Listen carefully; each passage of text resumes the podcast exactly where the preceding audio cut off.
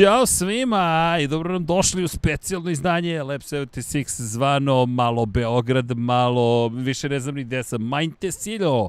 U svakom slučaju, gospodin Dejan Potkonjak negde u Beogradu u svojoj kuhinji, ja mislim da smo upali u kuhinju i nadam se da me čujete. Ja vas molim da u četu nas obavestite da li nas čujete, i da, da li je sve u redu. Kaže, imam delay sa chillom. U svakom slučaju, ja sam, dajte nam informacije, prvi put ovo radimo. E, ono što se tiče nekih inovacija, jel te, imamo situaciju da je u isto vreme jedan na jedan u studiju na kraju univerzuma, ako su krenuli na vreme, a s druge strane mi, evo, streamujemo iz Čilea, deki, se čujemo, Beograde, kako je tamo? Ti mene? Uh, ja, te čujem malo slabije, ali te čujem. E sad samo još publika, ako možete da se predstaviti, vi ste gospodin Dejan Potkonjak, je li tako? I dolazite iz dalekog univerzuma. A, pa, mislim da je više do slušalica, da sam te ja i pojačao ovde, ali mislim da će to sve Dobro. da bude kako treba. Ajde, ovako ćemo. E, ja mislim da je to okej. Okay. Publika neka kaže da li je sve kako treba. Jedan na terasi, drugi u kuhinji je to Lab 76, streamuju svuda momci, tako je. Deki se slabije čuje, dobro, to ćemo da, da, da, da iskoristimo. I Deki se loše čuje, Deki slabo. Dakle, čekajte, sad ćemo da rešimo pitanje Dekija. Jes, Deki, možeš sad nešto da kažeš, molim te. Ja, može pa da... ovako, može ovako, može ovako. Ajde da vidimo dalje malo. Ovako. Ajde da vidimo dalje bolje. Ovo je bolje, Ajde. ovo je bolje od studija. E, sad. u svakom pa slučaju. Jeste, realno. Deki se slabo čuje, a misliš ne moraš od kuće da ideš. Ne, pre svega mislim na tebe. Pustite mene. Lako će mi za mene. da, da, da. Ja, ja ne smijem da se žalim, bilo bi nepristojno s moje strane. Ja sedim u cveću, imam ovde neki, uh, neki ne znam, čamac. Ako iko koristi ovaj čamac, bio je hrabar, bili bila. Ima tu školjki tako svega. U svakom slučaju, evo mene na, jel te, odmoru, ali nema odmora dok traju testiranja predsezonska. Inače, realizator sam ja. Tako da, ljudi, večeras da god se događa, ja, samo meni recite, jer jedini koji može nešto da učini je, jeste, jeste ova osoba ovde, ali Znate šta, znate šta, šta treba da kažemo svi zajedno. Mazite se i pazite se i vozite računa jedni drugima. Gde god da ste, mi vam šaljamo puno ljubavi i naravno ćemo da radimo ono što volimo da radimo. To je naravno da pričamo o trkanju, o, ne znam, Moto Grand Prix, o ljubavi, lepim stvarima i tako. Deki, kako si ti? Ja sam super. Da je. mi nabaviš takav mikrofon kao tvoj, bit će sve Da, da, da, Deki, deluje da mu je loš mikrofon. Nismo znali da, da ćemo večeras biti izbač, izbačeni, nemojte da, da, da brinete, dakle, izbačeni iz studija. Deki, šta se to događa? Ova omladina nas izbacila. Neka, njihov podcast je lep, tako da sve okej. Okay. To se mene tiče. Da, Deki pojače. A mi smo vanredni, mi smo ti koji smo krivi. Da, da, da, mi smo vanredni, to, to je istina. E, da. Deki, ja ću sad tebe još da pojačam, Ma, tako da ćeš da dobiješ još 5 decibela ovde s moje strane i ti pričaj pa ćemo da prilagođamo. Ljudi, nadam se da ćete imati tako. razumevanje za nas, ali potrudit ćemo se da budemo barem informativni i u duhu onoga što volimo da radimo kada je reč Lab 76. A naravno, kliknite like zato što zabava ne prestaje gde god da odemo. Lab 76 će da funkcioniše i da radi. E, moram da kažem, ajde, prerano je, ali ja streamujem odavde zapravo, ti, ti šalješ sliku iz Beograda ovde i onda smo digli na YouTube iz Čile, tako da... Radili smo to već prošle godine, ako se sećaš, tako da... Radili smo za rijeku, tako je, to je za grobnik. Bilo je super. Ne znam, ja se nadam da su ljudi uživali, ja znam da sam se ja silno zabavljao u pola noći u Čileu, sedim kao kao neko ko je opljačkao kuću rođenog brata i pita se da li će komši da zovu policiju ili ne. Srećom nisu zvale, bilo je sve kako treba. I tako, to je čamac Srki u koji se, u koji se ne seda. E, Deki pojače se, sad je ton ok. To, dajte nam informacije i Miksi Vanja su vanredni, obično ide sredom uveče. Šta da vam kažem, popularan ovaj četvrtak postao, ali imaju gosta večeras, je li tako, Deki, ako se ja ne varam? Ja mislim da da je zbog toga i, i bila situacija da ne možemo da ovaj da se pomerimo, tako da to je to. Ali, ako mogu da testiraju Moto Grand Prix u Maleziji, možemo mi da radimo podcast iz Čilea, tako da je sve okej. Okay. Pozdrav iz Negotina, pozdrav za Negotin, ma pozdrav da god da ste, tako da izbačeni poput starih kofera. Pobuna na brodu dok je Srki u pustinji Atakama. Ima i toga. A, jako. Ali dobro, pazi, radi kamera slušalice moramo ti nabavimo bolje i mikrofon, pa onda ćemo sve da bude kako treba. Sve polako, korak po korak. Da. A u svakom slučaju, da, imamo tako neke situacije, ali ljudi, pričamo o Moto Grand Prix, to je ono što je najvažnije. E, što se tiče Andreja Petrovića, evo, evo poruke već stižu. Ljudi, naravno da pružamo podršku Andreju Petroviću, pričali smo sa Andrejem pre koliko, dva meseca manje od toga, deki, eno ga dečko u Saudijskoj Arabiji u Formuli 4 i boga mi zahuktava se karijera. S druge strane, imamo situaciju... Druga trka podijum, treća trka podijum, lepo i vidi dečko četvrti u šampionatu, tako da je to fenomenalno. I ono što je još važno napomenuti, Andrija Kostić sledeće nedelje u ponedeljak putuje na simulator u Van Amersfoort Racing, tako da ljudi, ako imate još neke informacije o nekoj deci iz regiona, šta se događa, samo pričajte i samo javljajte, mi ćemo da ih podržimo i, i da sve ćemo da uradimo. Inače, kažu sad se bolje. Čuo, pozdrav iz Zadra, pozdrav za Zadra, pozdrav iz Skoplja. Pozdrav za Skoplje, ljudima, za celu planetu pozdrav. Inače, kada pričamo o Moto Grand Prix Deki, o, počelo je, počelo je, moram ti priznam, da je nekako pričamo o tome koliko je teško ili lako pratiti. Od odeš na drugi kraj sveta, u mom slučaju Čile, i onda pratiš predsedinsko testiranje svake godine. To je to pola noći, jutro i tako dalje, ali opet je bilo zabavno. Ja se pozdrav iz Krakova, evo i pozdrav za Krakovo. Nadam se da ste, test, da ste pratili testiranja. Deki, krenulo je Ba, ozbiljno je krenulo. Naravno imamo sad da se ispričamo o svemu, ali kao što naslov kaže, jesi, do, jesi dopada naslov? Kralj Banjaja, optužit će me da navijem za Banjaju, ali ja mislim da... Već je optužen, gotovo. To ti e, to je gotovo, to je rešeno. Ali broj 1 je, pazi, ostao broj 1 na kraju.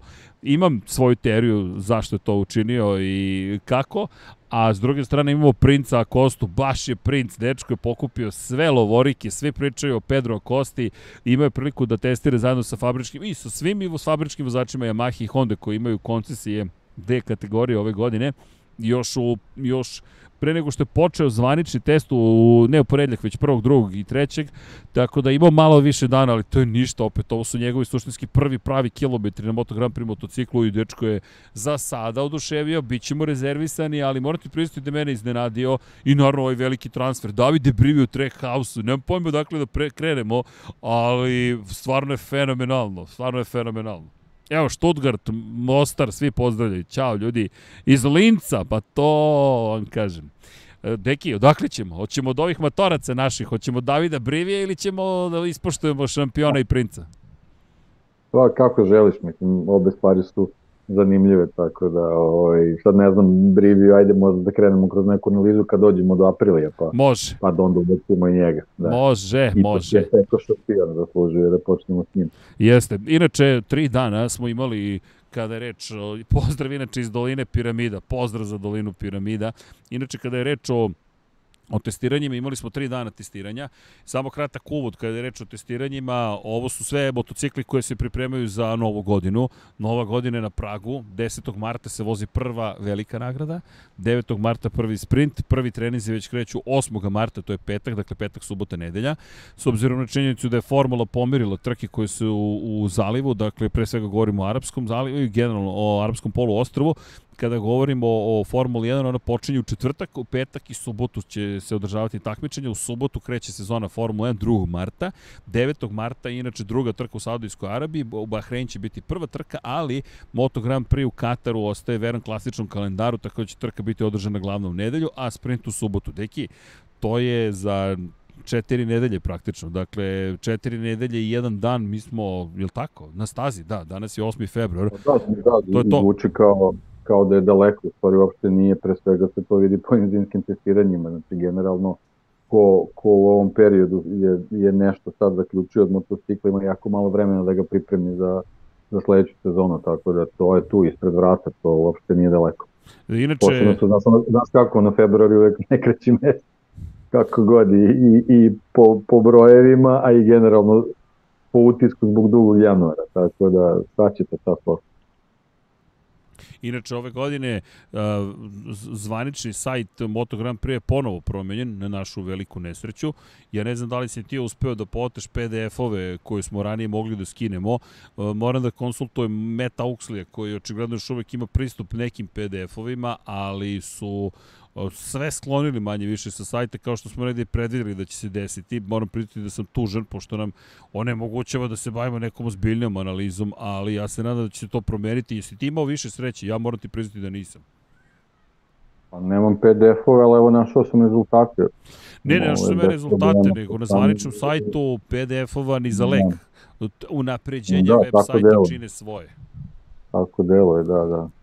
Ali, mm, ok, da, da, krenemo od, da. da krenemo od kraja, iako ima puno toga što treba analizirati, imamo neke rezultate, ali nažalost ne onako kako smo ranije mogli lepo da uzmemo i da pogledamo sve. Francesco Banjaja na kraju deki 1.56 682 je čovek odvezao poslednjih dana. Mi govorimo o stazi Sepang koja je nekada, ali ne baš tako skoro, ali pre 10 godina važila za stazu gde ko vozi ispod 2.00, taj je neverovatan vozač. Baš sam pretraživao vesti, moram ti priznati, pre 10 godine Mark Marquez vozio 1.59.5 kao novi rekord Sepanga, bukvalno 2014 a tempo u trci mu je bio 2.01 i bili su prezadovoljni u Hondi sa 2.01. Evo nas 10 godina kasnije, deki 1.56 682 na fabričkom Ducatiju, 47 kruga od tog poslednjih dana, meni deluje da je Banjaja imao potrebu da odveze, to je znači bilo na početku testa, ko je pratio u osmom krugu od tih 47 njegovih ličnih krugova i odvezao 1.56.682. Deki, to je 3 sekunde brže nego pre 10 godina. Da, 10 godina je dugačak period, ali opet, Deki, 3 sekunde naći u tako vrhunskom sportu. Gde su, gde su pronašli? Svuda pomalo, očigledno gde su pronosti, ta staza nije promenjena. Minimalno, dakle, promenjena je pad u zapravo krivinama kako bi se izbeglo pojava bara i potoka na samoj stazi, ali to je to, ta staza je nepromenjena suštinski. Da, imamo i novi asfalt, ali opet nije samo asfalt dovoljan da bi ti bio brži 3, za 3 sekunde po krugu. Pa ne, očigledno svaki element pomalo i, i u zbiru dobiješ te 3 sekunde. Aerodinamika, snaga motocikala, verovatno i pneumatici, promene te na profilu staze, stilovi vožnje, svašta se to nešto prom... i, i, i, izmenilo za, za 10 godina i kad ono po 3, 3 4 desetinke kuda dodaš, dođeš do, do te famozne 3 sekunde, ali stvarno je da, i danas kad sam video vreme, prosto sam pomislio ček, ček da vidim da li... Da li, da, ovaj, da je to istina. Da li možda neko pogreši, da nije kao Martin prosto presekao u, u Silverstone neku krivinu, Međutim, kad su počeli da izlaze druga vremena, ostali smo zato vidiš da je u principu to to.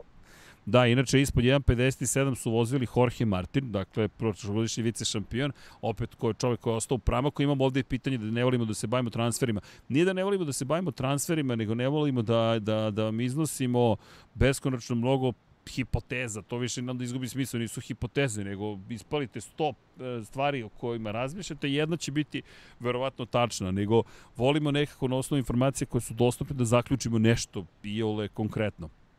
E sad, Martin je bio na poziciji broj 2, 1.56, 8.5.4. I to nije bio mali zaostatak, skoro dve desetinke. Zatim je Nea Bastianini, 1.56, 9.1.5, drugi vozač fabrički Ducatija. Inače, ko dobio brojne pohvale, pričat ćemo malo više o Nea Bastianini, pričat ćemo više o svima.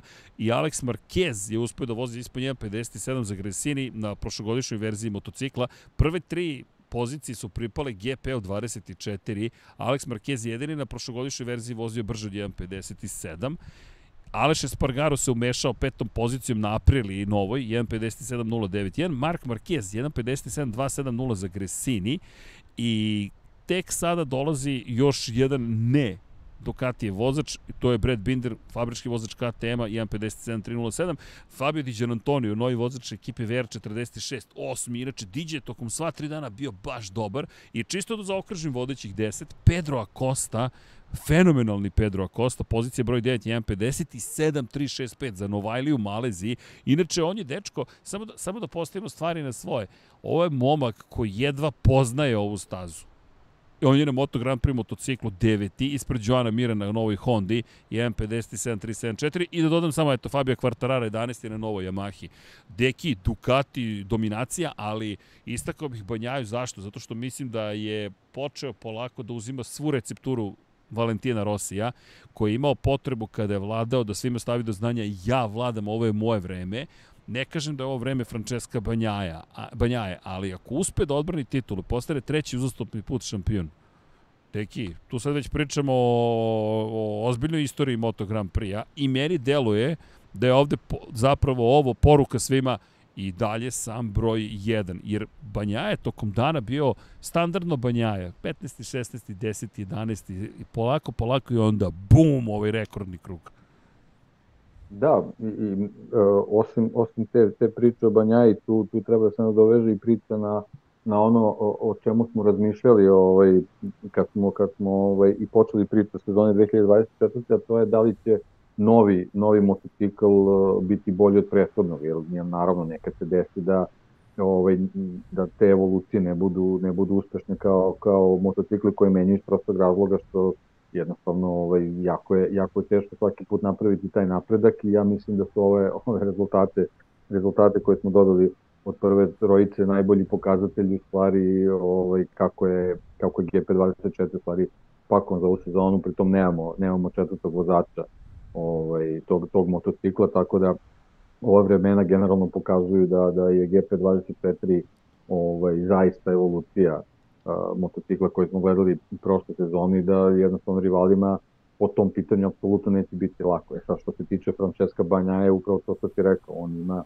tu neku filozofiju da, da u nekim trenucima mora da stavi do znanja ostalima ovaj, kakva, je, kakva je situacija i, i, i generalno ovaj, predstavlja veliku opasnost za ostali prostog, razloga što sa svakom pobedom, sa svakom osnovnom titulom on je sve samopouzdaniji samopouzdaniji i ovo je stvari i merilo toga gde, gde je ovaj, u samom početku treninga izabrao ovaj, period kad će da, da izveze praktično ovaj, kvalifikacioni krug i da u stvari vidi svoje mogućnosti motocikla na stazi koju vrlo dobro poznaje i na kojoj ima neka, neka svoja vrhunska izdanja, na primjer kao pred, pre dve sezone kad je Julio svoju prvu titulu u trenutku kad mu je zaista trebalo da, da bude dobar u Maleziji, sećaš se kakav je start bio i kakva je, kakva je to trka bila, tako da sve su se kockice poklopile i ovo je u principu samo jedno gledalo toga i potvrde u stvari u kakvoj formi Francesco Banjaja i verujem u kakvoj formi GP25.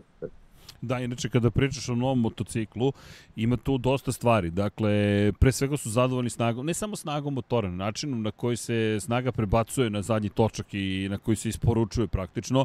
Kada pogledamo izjave koje su dali, jednostavno svi koji se, sve izjave koje se tiču samog motora su ekstremno pozitivne, iako su rekli da je potrebno navikavanje, je na, naravno, kao i uvek navikao si na određeno ponašanje motocikla, sada imaš drugačije ponašanje motocikla, i, ali su rekli da su veoma zadovoljni zapravo napretkom. Ducati kojima inače nije nedostajala snaga je sada u situaciji, ono što je mnogo bitno, mislim da je, da je važno da, da se razbije jedna ozbiljna iluzija. A drugog dana testiranja izbacile su sve poruku kako je zapravo Fabio Quartararo na novoj Yamahi postigao najveću maksimalnu brzinu.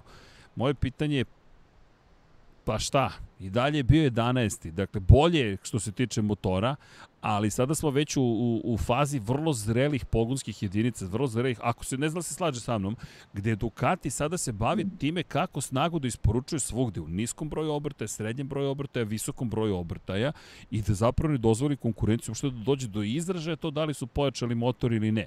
U kombinaciji naravno sa oplatom novom i novom aerodinamikom i novim izduvnim sistemom. Oni imaju sada novi, novi, novo izduvne grane imaju, samo to, to je ostalo još da se potvrdi da li je to zaista korak u napred ili ne. Međutim, baš su se bavili isporukom snage i Banja izjavio da je, da je veoma srećan zapravo način na koji je protekao ceo test, takođe mu se dopala nova aerodinamika. Sada kombinuju zapravo e, ono što smo videli na Aprili, ispratili su Aprili. To si ti najavio, da je Aprili zapravo preteče nekih promena i sada vidimo delove koji su Aprilini praktično, gde kada si oboren, ti možeš da vidiš kako oni pokušavaju zapravo da generišu Venturijeve tunele da stvore e, i istovremeno koriste zapravo onaj sistem koji su izabrali negde polovinu godine kada je Pramak prešao, kada su odustali od efekta tla zapravo i bavili se nešto, da kažeš, klasičnim zapravo aerodinamičnim rešenjem. Sad kombinuju sa Aprilim i ovo sve ovo sada što vidimo, pa za njih trojice su ubedljivo najbrži bili.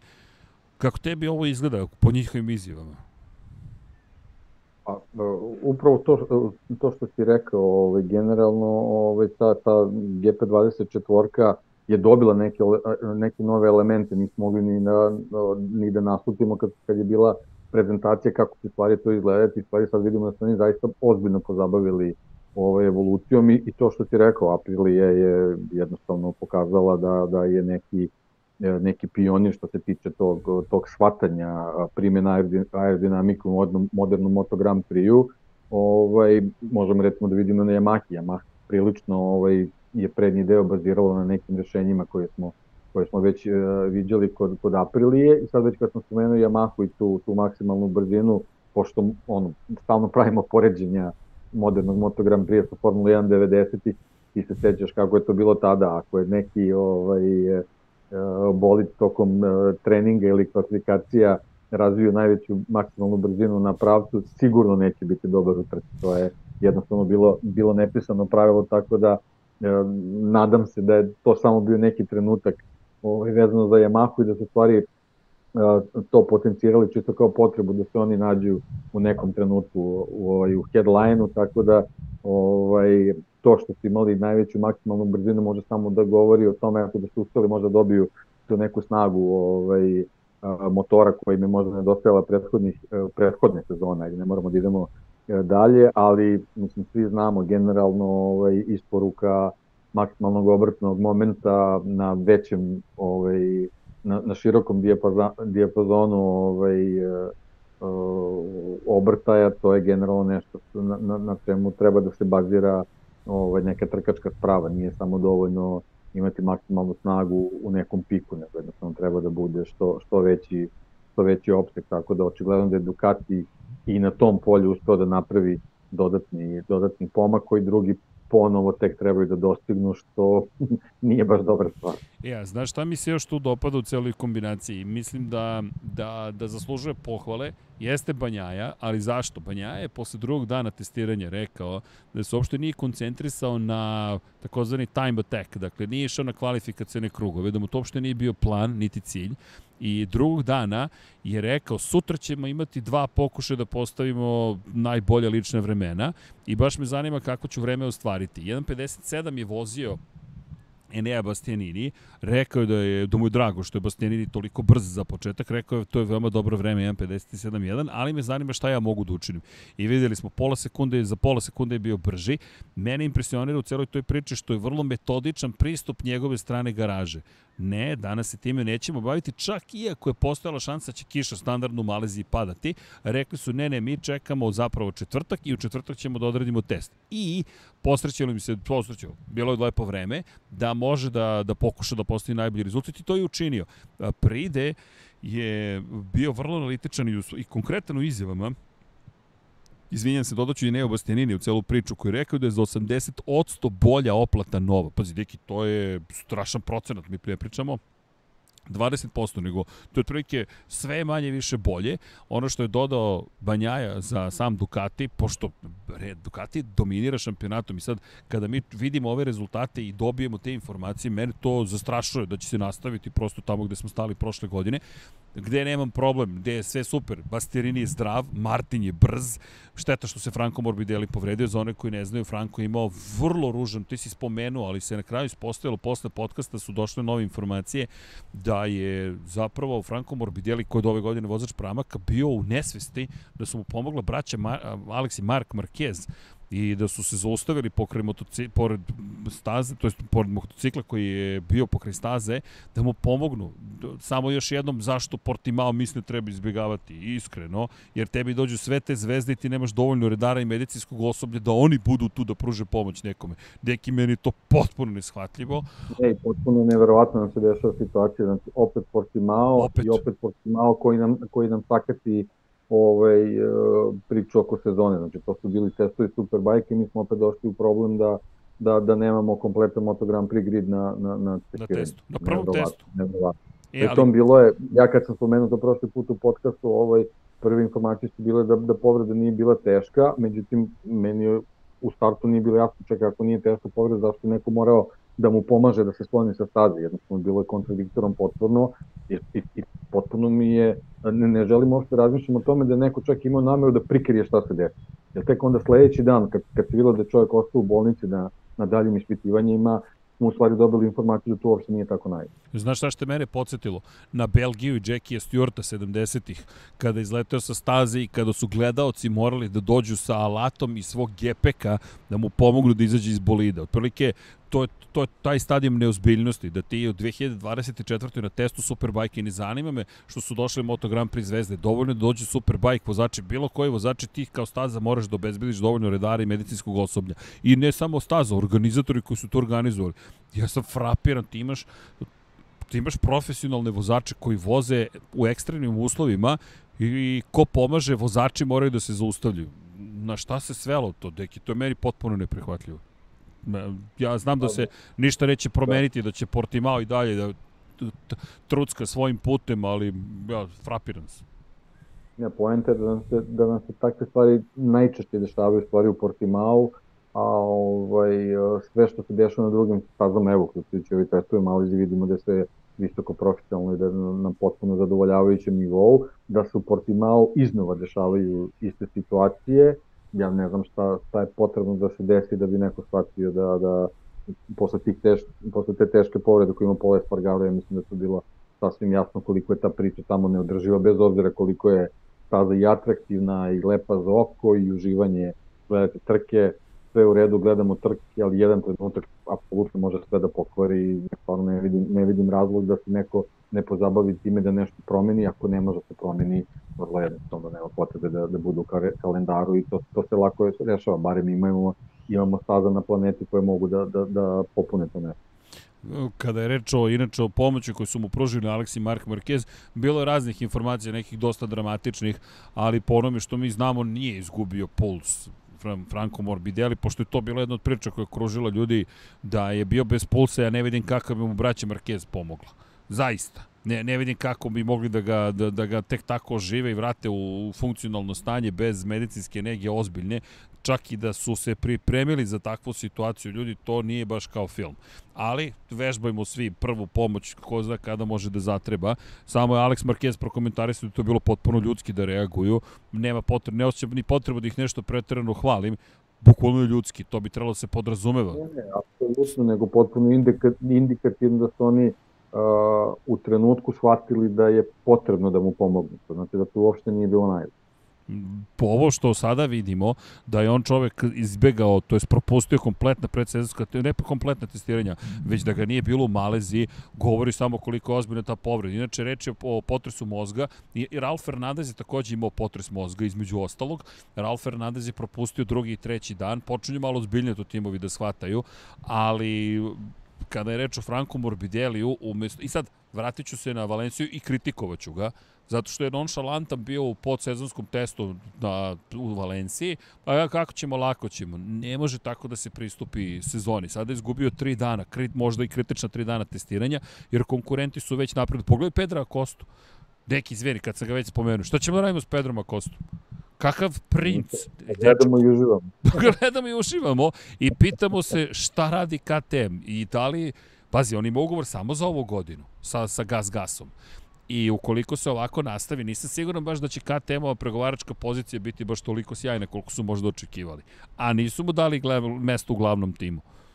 No ne, pa nema šta, mislim, vidi se od, Valencija smo videli momak koristi svaku priliku da se da se ovaj, pre svega privikne na, na Moto Grand Prix motocikle, mislim i on je shvati jednostavno po rezultatima se vidi, neće biti e, ni blizu laka priča, mislim na stranu to što se mi oduševljamo i tako dalje i tako dalje, on jednostavno je spustio glavu, pušta vizir, koristi svaku priliku da, da, da se ubrza na tom motociklu i meni je mnogo drago što, što vidimo ove rezultate, posebno zbog toga što smo, bilo skeptični, što smo bili skeptični ovaj, kakav će motocikl pre svega da dobije. Tako da Jasno. koliko god, koliko god taj motocikl, motocikl možda tehnički uh, zaostaje za, za, za rivalskim, ovi njegovi rezultati pre svega pokazuju da će tokom sezone on bez obzira kakve rezultate bude pravio, da će ti rezultati stvari biti maksimalni mogući. Jako mi je drago što je, što je publika generalno prepoznala da nije sad poenta da on ovaj, kao, kao neki Novajlija, kao potpuno mlad momak tamo beleži neke rezultate u, u prvih pet ili ne znam još, još nešto kvalitetnije, nego jednostavno a, treba pratiti njegove rezultate u odnosu na, na motocikl kakvim raspolažem i ovo što, što vidimo, ovo što se ti malo prepročito da on bude ovaj, u tim nekim uh, najbržim vremenima ovaj, u, u prvih deset uh, posle tri dana stvarno, stvarno fantastično. I to ne samo što je bio najbrži, njegov tempo je bio oko 1, 58, 6, 5 i tako dalje. Imao je konstantno dobar tempo, inače super da, izjavu preneo. Pogleda, da, izvini, kad se pogleda taj, taj, ta, ta zbirna vremena, oni, oni u zbirnim vremenima u prvih 10, tako da stvarno... Na sve načine među prvih deset. Pazi, to hoću ti kažem, kada pogledaš njegov tempo, stvarno je fenomenalno. Ja sam potpuno oduševljen ali njegovim pristupom i ono što svi pišu jeste i ta harizma koja polako dolazi do izražaja, ali zašto sam ga i, i napisao princ, nismo stigli da se konsultujemo, svašta nešto da ovih dana radimo, baš smo, vredni smo ljudi iza kulisa, a ja smem da kažem da si nešto završio juče. Ne. Neću da kažem šta. Dobro, završio sam. Nešto si završio. Uhvatio sam te, ali dobro. Nasmeo sam te na 16.000 km daljine. Ele, da, još nešto smo uradili, ali e, šta hoću da kažem, da, kada je kada je reč o Pedro Kosti, svi pričaju, pričaju o harizmi, pričaju o tome da ima tempo i pričaju o Matt Oaksley danas dao, ej, čekaj, Matt Oaksley, izvinjam se, digresija u okviru digresije, u okviru digresije, ovo je kao da smo, ne znam, u Inceptionu, otisli smo u sedmi svet otprilike, ali jesi vidio Matt Oaksley, ako nisi pogledaj na X-u, to je na Twitteru, čovek je, pored motocikla Augusta Fernandez u majci Lab 76. Tako da to bilo fenomenalno. Matt Oxley koji inače rekao, volim pošto ljudi ne znaju, još Matt ne znaju tačno čemu se radi, a ima jasnu, a poruka je fenomenalna i kupio je Kimijevu majicu i juče je nosio Kimijevu majicu, da, danas je nosio Lab 76 crnu majicu s belim znakom i da nosi čovek naše majice po celoj Maleziji. Potpuno fenomenalno. Pri čemu ima jedan kadar gde je slikar sa desne strane piše Infinity Lighthouse. Rekao, Matt, ti si najća legenda na svetu. Inače, radimo na tome. Kako?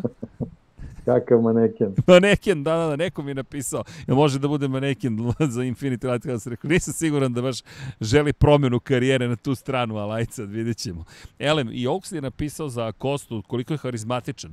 I to je ono što čini zapravo nekoga zvezdom. Nije to samo pitanje da li si brz, da li si sposoban, već ima to nešto neopipljivo u sebi, gde prosto vam je drago kad vidite čoveka. Da slagali se s njim ili ne, i ima to u sebi Pedro Acosta. Prevoko je mnogo pažnje i danas još kaže za svoj najbrži krug, pogrešio sam u krivinama 5 i 12, ali ne možemo biti savršeni. ok. Ne samo to, nego njegove, njegove onako o, o, direktne izjave, nema, nema nekog upolišanja, nema to sad neka diplomatija, mislim, vidi se naravno da, da i dalje da. ali on generalno potpuno otvorno priča o, o, o tvojoj pozadiji, šta još treba da popravi, ovaj, vrlo otvoreno priča o rivalima bez, bez potrebe sad tu da se, da se nekom ovaj, dodvorava ili nešto slično, ali ali generalno mi se sviđa nastup ovaj kako nastup kako kako ovaj on generalno prilazi toj priči kako analizira situaciju i, i stvarno ovaj koliko god smo kroz one prve prve sezone ovaj i i i i, i strahovali u stvari kako će da se privikne na ovu čitavu priču, mislim, ne znam, evo, posle ukupno četiri dana na, na Moto Grand Prix motociklu, on se, on se ponaša kao da je četiri sezone tu, četiri dana. Dečko izgleda fenomenalno. Naravno, doza rezerve, e, dosta smo pitanja imali na kraju prošle godine, da li vidimo da će pobediti. Ja moram priznati polako ljudi, ali Deki, ako bi me sada pitao to isto pitanje, ja bih rekao Mislim i dalje da će biti ekstremno teško, ali ukoliko bi neko mogao da bude pobednik i debitant u ovoj novoj eri, deluje mi da bi on dečko mogao to da izvede. Ne, ne znam, kažem da ako, hoće. Ako smem u, u, u ovom trenutku tako da, da, da to kažem, mislim da jednostavno nema motocikl koji, koji može da mu u nekom e, kako bih rekao, normalnom spletu okolnosti donese to, ali u slučaju nekih vanrednih situacija, Kiša mislim da, da, vrlo, vrlo, da, da, da će vrlo, vrlo dobro znati da iskoristi svoju situaciju, pošto je pokazao da jednostavno ovaj, da se praktično istrodio već s ovim motociklom i da, da u principu u svakom trenutku zna ovaj, kako, kako treba da koristi i on je izgleda pripada onoj grupi vozača, mislim ti to ovaj, znaš verovatno i, i najbolje da uvek imaju ti neki momci koji su odlični kroz niže kategorije, ali da su jednostavno rođeni za, za, za kraljevsku klasu i tek u stvari kad dođu tu oni, oni pokažu svoj, svoj pravi potencijal. Ako, ako je bio nakav kroz, kroz moto trojke i moto dvojke, a ovako se pokazao prva, prva četiri dana testiranja a, Moto Grand Prix-a, računajući i Valenciju, ja mislim da, da, ovaj, da će apsolutno biti u stanju da, da svaku situaciju koja mu se bude otvorila za neki senzacionalni, plas, senzacionalni plasman da će on to da iskoristi. Ja, ajmo da dodamo, pazi sad još jednu stvar u celu priču, jer to jednostavno meni se makar nadovezuju stvari, s obzirom na činjenicu da smo imali Jacka Millera koji i kaže, jedva sam čekao da počnu testiranja, samo da napominjem, Jack Miller je završio na 14. poziciji, Dakle, bio je treći najbrži na KTM-u, gas gasu, kako god želimo. Najloši, inače, tokom svih dana, zanimljivo je bio Augusto Fernandez. Imao je puno krugova Augusto, ali vremena nisu bila ni blizu ovoga što je činio Pedro Acosta. Sav fokus je, čak njegovi najbrži krugovi nisu bili ni blizu onoga što je trkački tempo bio Pedra Acoste i nije bio jedini inače koji je bio veoma nezadovoljni. Marko Beceki je jedan od nezadovoljnijih u celoj priči. Beceki koji inače rekao da za sada stvari ne idu onako kako je želeo. Pri čemu, pazi sad ovo, Marko Beceki jeste nezadovoljan, ali Fabio Di Antonio je među osam najboljih.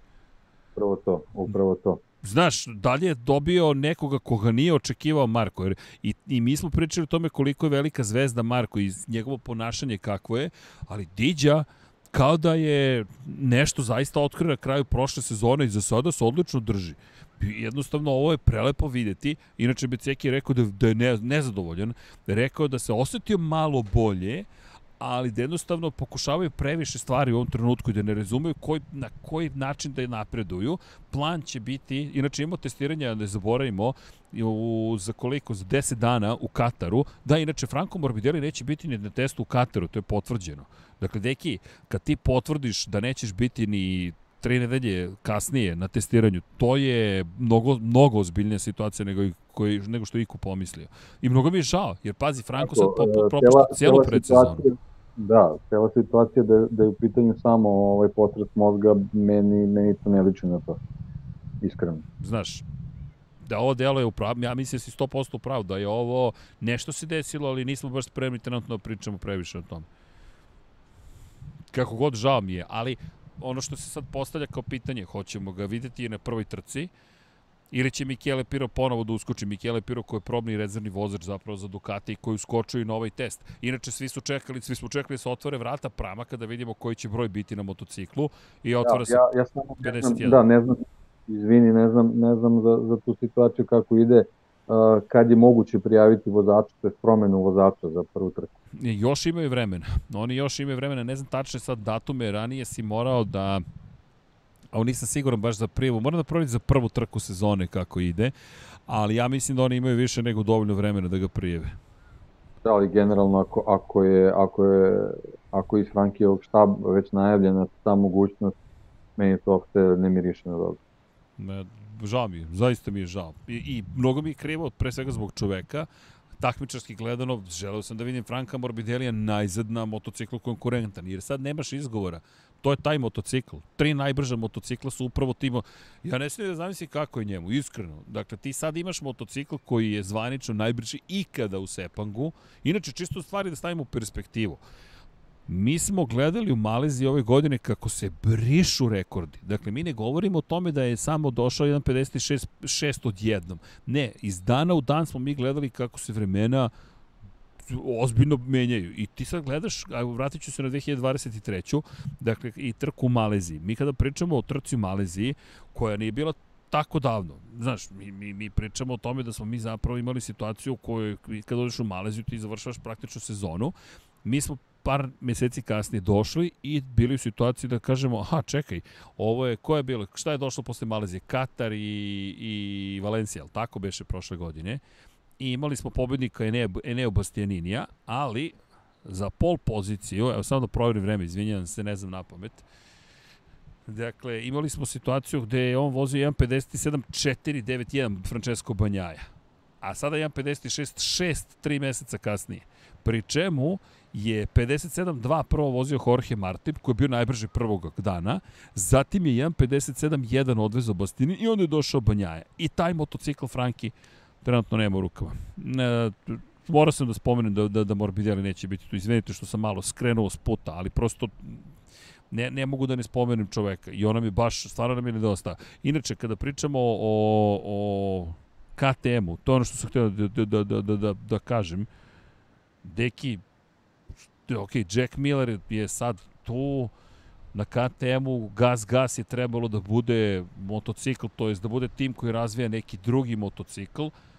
Kako tebi ovo deluje? Da li KTM ima taj luksus da kaže ok, mi ćemo i dalje Akostu da držimo sa strane na nekom drugom motociklu ili će se stvari promeniti tokom sezone i ne kažem da će nužno otpustiti Miller, ali da li će reći čekaj, Akosta mora da dobije drugi motocikl.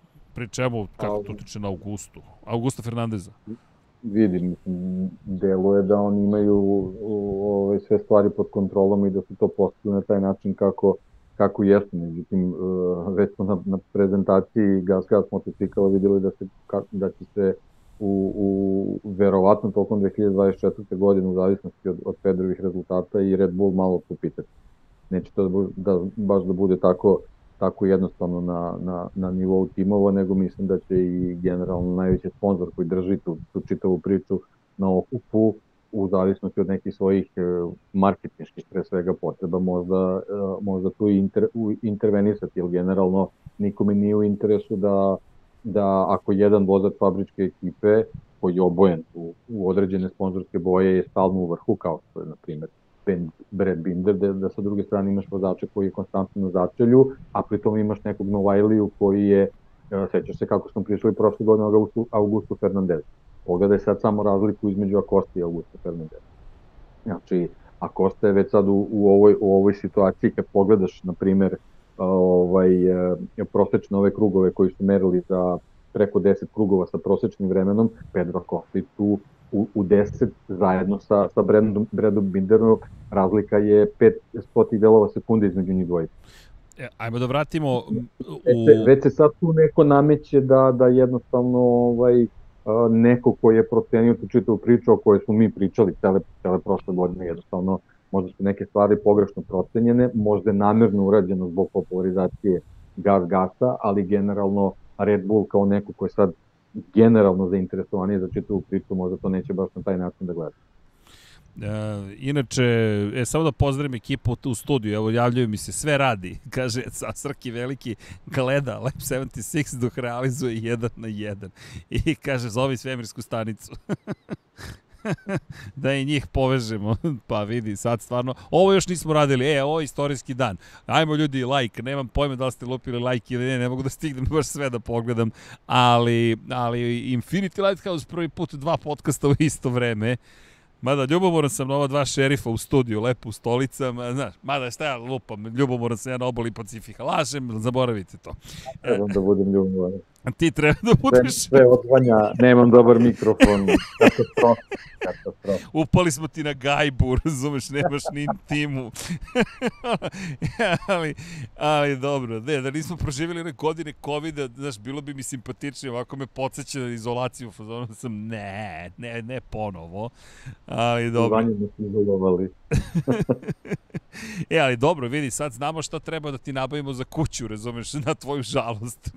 znaš, kao, o ne, još stvari, znaš, kao, do sad... Ne, just in case da bude tu. Ne, ne, treba, treba, treba. E, ali znaš šta, sve manje opreme nam treba, sve, sve, sve bolje razumem kako da spojimo neke stvari i da, da uradimo to da bude još profesionalni. Manji su audio interfejsi, manje kablova, bolji smo.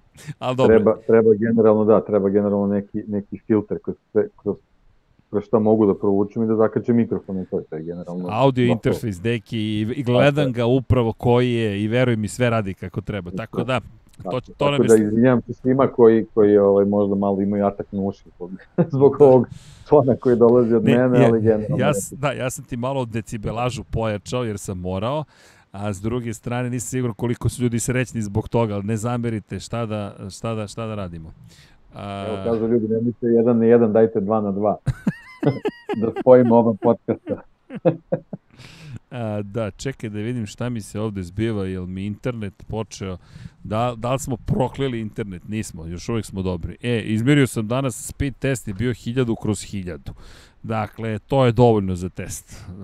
Bukvalno to je dovoljno za test. Da vidim, ali mi YouTube prijavljuje nešto da smo prećerali sa pokušajem. Dobro, kako god. Elem, uh, sa sluškama se čuje, ok, probaj se na tebe, pa se tamo loše čuje, izvinite zbog toga. Nego, da se vratim mi na Akostu. Akosta, deki, nije samo bio brzo ova tri dana zvanična testa, nego je Akosta bio brz I kada smo otešli na takozvane shakedown testove, zapravo ne da je bio brz, nego je bio najbrži.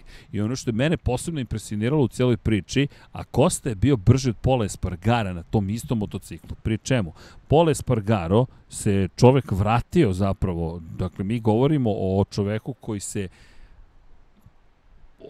neću da kažem odrekao, ali koji se prebacio u Repsol Hondu u želji da ostvari dečački san. Nije se ispostavilo baš da je to bio najbolji potez koji je mogao da izvede, ali ga je povukao.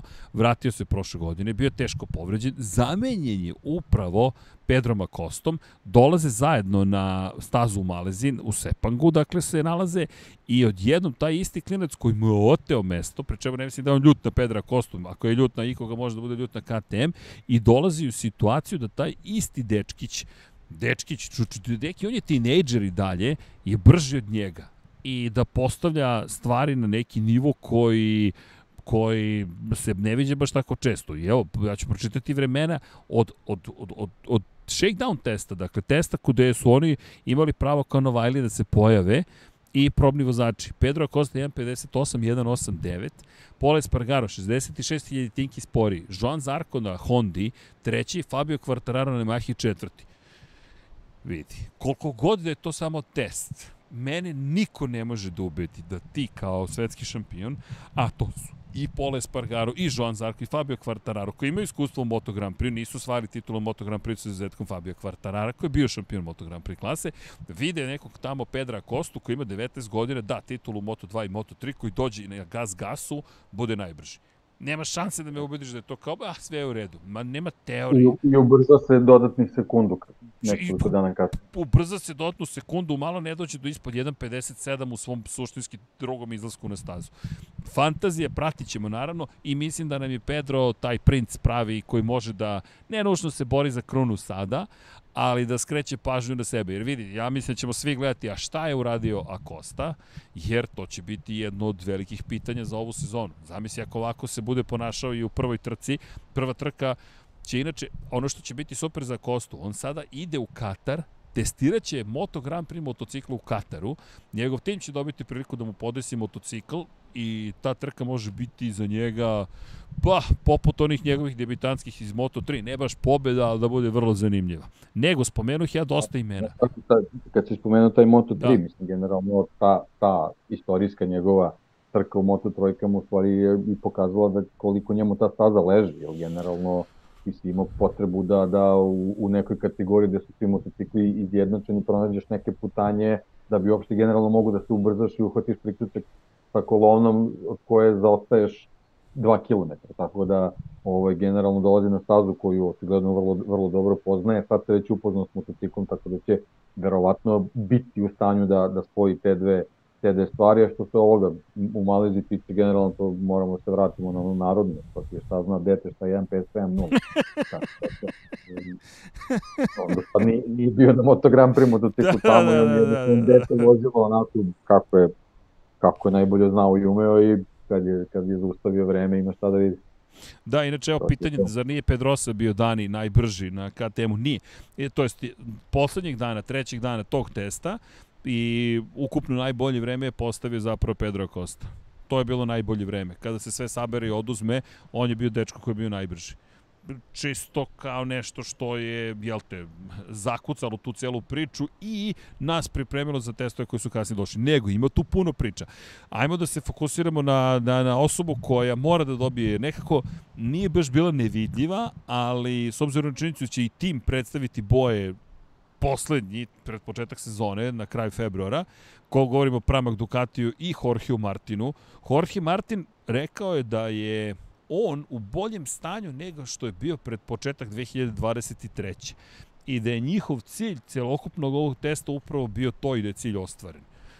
Meni to obećava, moram ti priznati, zvuči mi sjajno. Dobro, on, je, on je imao prilično tešku povredu takođe u Portimao, od koje se oporavljao, tako da generalno ovaj, taj ulazak u, u 23. godinu sigurno bio ovaj, malo, kako bih rekao, malo, malo doziraniji sad je jednostavno imao sezonu iza sebe, naravno, nažalost, bilo je možda razočaravajuće, vjerojatno očekivao najviše moguće od svega toga, ali on je generalno ovaj, sigurno fizičkoj kondiciji možda najbolje u, u, u, u svojoj karijeri, sa druge strane ima potvrdu da može da bude brz na, na, na Ducatiju, a ovaj, M što mu odgovara format, format samog takmičenja, uz to je dobio i o, sa svojim današnjim vremenima potvrdu da može da bude najbrži na nje, u njegovom naj, najjačem oružju, a to su, to su kvalifikacijni krugovi i same sprinterke, tako da mislim da je u mnogo boljoj poziciji ovaj, generalno nego, nego ovaj, prošle sezone iz prostog razloga što može da zna šta ga čeka i kakvu kalkulaciju da pravi kroz, kroz iz, pre svega sprinterke, a da onda napravi e, korak napred e, kad su velike nagrade u pitanju u smislu da proba da, da računa na više pobjede nego što ima u prošle sezone. To bi onda generalno matematički promenilo čitavu situaciju u odnosu na Peka Banjaju. I znaš da me sad vraćaš, da me upravo vraćaš na Peka Banjaju. Banjaje najviše problema u drugom delu sezone prošle godine imao upravo u kvalifikacijama. Koliko puta se mučio da se probije među vodećih deset i koliko puta se mučio da u poslednjem trenutku bude najbrži. Nisam siguran baš da su ostavili to za kraj. Meni deluje kada su bili sigurni da imaju brzinu u jednom najbržem krugu. Jer mi neverovatno zvuči da ako ti znaš da ti je to slabost, da ti to ostaviš za kraj. Tako da Deki imam utisak da je kontra, da Banjaja takođe će imati fokus na to da smanji prednost koju će sticati eventualno Martin u sprintu, a da zadrži prednost koju da, on ima u da. velikim nagradama. Znači da zadrži, da, da zadrži to svoje najveće oružje u velikim nagradama, a sa druge strane da, da proba generalno svoju najveću slabost, ona je, ona je ovaj, vezana za, za te sprinterke, da on to podigne na viši nivo, tako da, da samim tim anulira prednosti koje ima Martin, a sa druge strane da dobije matematički u tom nekom predviđanju neke bodove koje koji bi mu omogućili da, da za njega situacija bude jednostavnija. Ali, ali ponavljam, mislim, uh, Peko Banjaje je očigledno i sezonu u sezonu uh, sve opasniji zato što je sve opušteniji, ili on je generalno sve neke svoje ciljeve već ostvario. Ovo sve što bude radio dalje potpuni bonus, tako da on sigurno potpuno najrastrećeniji od svih vozača ulazi u novu sezonu. Pazi, on je, on je u sredu uveče, to je sredu popodne, zapravo uveče po lokalnom vremenu rekao, mislim da ćemo vidjeti krugove koji su ispod 1.57. On je pokolno najavio šta će da se desi sutradan. I ovo što si lepo rekao, zrelost se baš vidi, ali, ajmo sad ovo, Martin je takođe zreli iz sezonu. Znaš, meni, meni je ovo se dopada i što on radi. Bio je najbrži, opet je veoma brz, ne insistira na nekim stvarima, spustio je loptu i da ne zaboravimo, njemu je poslednja sezona u Ducatiju zvanično, to jest potpisana, čekamo da vidimo da li će negde otići. Ono što je pitanje gde, gde da ideš kada Ducati konstantno pravi ovoliko bolje mašine. Ali to je neka priča koju ćemo tema, light motiv za ovu sezonu za, za Martina. Da li ti da ostaneš u pramaku i kažeš, e, ovde ipak bolje nego da idem ne znam, nisam završio priču Ducatiju, nemoguće, ali deki, šta ćemo sa Yamahom i Hondom? Fabio Quartararo je rekao da ne vidi da je brži na ovom motociklu, ali da vidi veći potencijal ovog motocikla u odnosu na prethodni. Pa, ne znam, vidi, meni je tu jedino poređenje koje može da se pravi, znači jednostavno Ducati treba isključiti iz priče, priče o poređenju vezano za Yamahu, zato što zaista realno mislim da u ovom trenutku njima je to nije, nije realno poređenje, mislim da je Ducati pre, posebno GP24 za Yamahu trenutno ovaj, prilično nedostižan, ali treba pogledati evo vezano za ove, za ove uh, najbrže krugovi iz prostog razloga što je to jedna bolna tačka Yamaha, jer, jer oni generalno kroz kvalifikacije imaju ogromne probleme da, da, da, da izbore neku, neku bolju startnu poziciju da bi tokom trke taj motocikl iole mogao nešto da, da, da pruže svojim vozačima, a bio Quartararo je, evo ovo što gledam, skoro dve desetinke stvorio od Pedra Costa koji navodno ima, ima staru evoluciju tog motocikla. Znači, ovaj, vezano, vezano za KTM, stvari Gazga.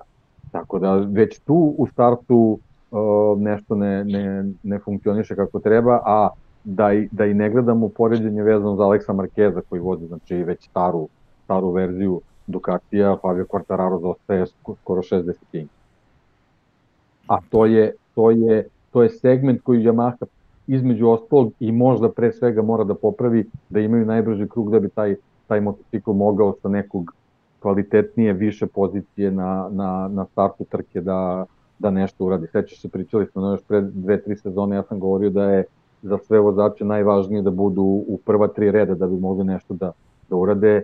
Yamaha sa ovakvim motociklom, oni, oni jednostavno ne prva tri, oni moraju u prvih 5-6 da budu da bi i oli išto mogli da urade na trci, ali sa ovakvim vremenima ja ne znam stvarno šta mogu da očekuju. E, pri čemu, ono što je poseban problem, Fabio Quartararo otvoreno kaže, mi ne znamo, za nas i dalje misterije zapravo gde gubimo vreme u tom jednom pojedinačnom krugu. E, ono što je napomenuo jeste da izlazi iz krivine zapravo problematično, da tu moraju da reše pitanje stabilnosti motocikla, ali ja ne znam da li postoji gore rečenica od toga kada neko kaže ne znamo a to traje već godinama. Oni dalje ne znaju gde im je problem.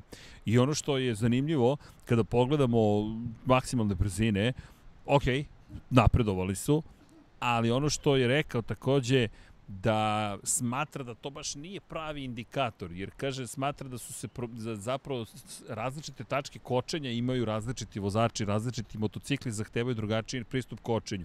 I rekao, ne kažem da je motocikl koji imamo sporiji, veoma je brz, ali takođe morate uzeti u obzir u kom momentu ko od nas koči i iz te perspektive rezultati maksimalne brzine su čudni. Ono što je rekao da, da je super pozitivno, jeste što jeste brži motocikl ali bez tog jednog kruga, deki, ponavljamo priču, i upravo si ti je istakao, gde ćeš ti ako ti ne uđeš u Q2 deo kvalifikaciju u savremenom Moto Grand Prix? Ti možeš samo da sanjaš uspeh. A prošle godine smo videli Fabio kada ima tempo, to je kada se oslobode nekako vrata u trci, on ima tempo za trkanje. Tako je, tako je, apsolutno, apsolutno. Ne generalno, da, generalno pojenta brzine u tom, u tom najbržem krugu, a vidimo da GP24 je svojim vozačima će sad i to da pruži. Peko Banjaja, sudeći, znači samo sudeći po ovim, po ovim vremenima koje smo videli u Maleziji, on više neće imati kvalifikacione probleme, što samim tim može da znači da neće imati probleme problem u sprint, sprint, sprint trkama. Sa druge strane, Fabio Quartararo, mi stvarno kad pogledamo tu Yamahu, vidimo da je u, tim, u tom nekom aerodinamičnom segmentu polako počela da, da, da hvata korak i da i da razume šta je potrebno uraditi, ali očigledno da je ta aerodinamika uh, samo, samo uh, deo koji se pre svega tiče nekih finesa koje su potrebne, potrebne da bi obradio motocikl. Ja se onda samo plašim da ono što ti stalno potenciraš da Yamaha u stvari nema fundamentalni problem, to je da ta osnova na kojoj, na kojoj je bazirana M jedinica jednostavno nije dobra, da oni bukvalno radikalno moraju motocikl da, da, da promene, da bukvalno iz korena ovaj, započnu neku novu priču koja će zahtevati vreme, ali očigledno da je to već potrebno da se uradi, jer mi smo o tom, o, o tom problemu pričali još dok je Valentino Rossi vozio, dok je bio na, na fabričkoj Yamahi. A, da, pričali smo, to smo pričali od trenutka kad je, kad je parkirao ovaj motocikl u Kerezu, a, tad smo pričali da je potrebno nešto fundamentalno da se promeni, a smo govorili da to možda neće da rade zato što će proći vreme. Iz ove perspektive bolje da, vreme. su se tad, bolje da su se tad okrenuli ovaj, praznom papiru i da su krenuli tad da rade, znači tad bi možda već imali nešto što je vezano za, za, za konkurentnost u modernom Moto Grand Prix, što su oni možda u nekom trenutku i propustili. Ima još jedna stvar. Dobru, da, uraditi dobru aerodinamiku očigledno nije dovoljno. I inače, motocikl je prema rečima Aleksa Rinsa niži nego što je bio prošle godine i deluje da je bolji motocikl, ali deki, sve su to sad, ne, ne možemo pričamo o apsolutnim stvarima samo, relativno, ajde ovako, ako uzmeš poredak na kraju ovih testiranja, da li ti izgleda išto drugačije nego na kraju prošle sezone u bilo kojem trkačkom vikendu? Tako je. Da li postoji malo suštinska razlika? Malo je poražavajuće. Mislim, ne postoji nikakva suštinska razlika. Znaš, ti da. imaš jednu Aprilu i jedan KTM koji su skočili među vodećih osam, malo kao poremetili situaciju, kod, ja ne znam šta da, su poremetili. Ne gledamo imena, gledamo, gledamo motocikl. Motocikl, tako je. I da, ti da. pogledaš motocikl i kažeš sebi, aha, Dobro, Ducati, Ducati, Ducati, Ducati, Ducati, a evo ga KTM, juhuhu, Brad Binder je tu. Pri čemu, ajmo, ajmo, vratit ćemo se i na, i, i, i na ostale priče. Ajde, Yamaha, Honda imaju veliku priču. Ali KTM, Brad Binder je rekao, ljudi, brži smo. Baš smo brži. Ali smo sporiji od Ducatija. Znaš, ti si opet se pomerio napred, ali tvoj konkurent je otišao ponovo u napred. Imam, imam nažalost, utisak da ćemo sličnu situaciju imati uskoro u Bahreinu sa Red Bullom, gde će svi reći, a, napredovali smo, kakvi rezultati, sve super, i onda će Red Bull da izađe i da ispraši neke krugove Max Verstappen koji će biti poput ovih. Jedino što kažem sreće i razlika odnosno na Formula 1, što imamo osam Red Bullova ovde, a ne samo dva i od kojih je jedan u Formuli 1 zadužen da zapravo vodi računa o onom prvom. I ti sad imaš situacije koje su zaista identične meni prošlim godinama i da ne odem sad na KTM, ali Yamaha, šta je suštinski promenila? Ja ne vidim suštinsku promenu, zaista nikakvu. Neka je brži motor, bolji, snažniji, šta god. Super, maksimalna brzina. Ili dobijamo poene za maksimalnu brzinu? Ne. Ne znam, ja mislim da će to da bude baš teška sezona ponovo. Niskreno se nadam da grešim da će nam Katar doneti nešto. Jer pazi, meni je Katar mnogo veći. Malez je isto dobar test za Yamahu. Fabio Quartararo je pre dve godine bio treći u onim poslednjim svojim pokušajima da se nekako izbori za odbranu titule i bio je treći u trci u, u, u Sepangu. Nije imao šansu ni protiv Bastianini, ni protiv Banjaje, ali je bio treći. Ako odemo u Katar, gde su Yamahe dominirale tradicionalno godinama, pre što sad Ducati potpuno sve preuzeli, i tamo Yamaha bude spora i u trci i u testu. Šta stvarno možemo da očekujemo tokom ove sezone? Ja mislim da će onda ovo biti opet još jedna godina. Znam da je mnogo rano, ali meni ovo ne, ne, meni ovo ne obećava. Ti, ti nisi među vodećih. I pogledaj lice Fabio Kvartarara koji je rekao pet dana testiranja i ovako izgledam jer još uvek nemamo brzi krug pri čemu hoće se ponoviti priča koji već dve godine za redom ponavlja, gde je on u depresiji, ranoj depresiji u početku sezone i onda posle sedme trke kaže moram da promenim moj stav. Znaš, teško je ostati baš optimističan kad baš ništa ne ide godinama. Pa naravno, mislim, i to je ono, stvar koja dovodi do toga da jednostavno moramo da imamo razumevanje za njega, nego meni najveći problem što njega nema u ovim, ovim generalnim tabelama što gledamo, jer ja, ja sam ovaj čekao da izađu ove, ove da kažemo, tabele koje su donele prosečna vremena sa, sa ovim uh, dužim stintevima koji su, koji su mm -hmm. vozili i, i generalno vidiš ovaj, što se tiče Yamahe izlazi ime Aleksa Rinsa Fabio Quartararo tu nema Rins je u, to, u tom nekim, nekim ovaj, poređenjima tih, tih nekih prosečnih vremena je na 13. poziciji, što naravno nije, nije neki spektakularan rezultat, ali on zatvara tu neku priču koja je vezana za razliku od jedne sekunde između vozača. Sad, mi tu imamo Fabio Diđan Antonija koji je na, na, na prvoj poziciji s nekim vremenom 1.58.2, a Rinsovo prosečno vreme 1.59.2.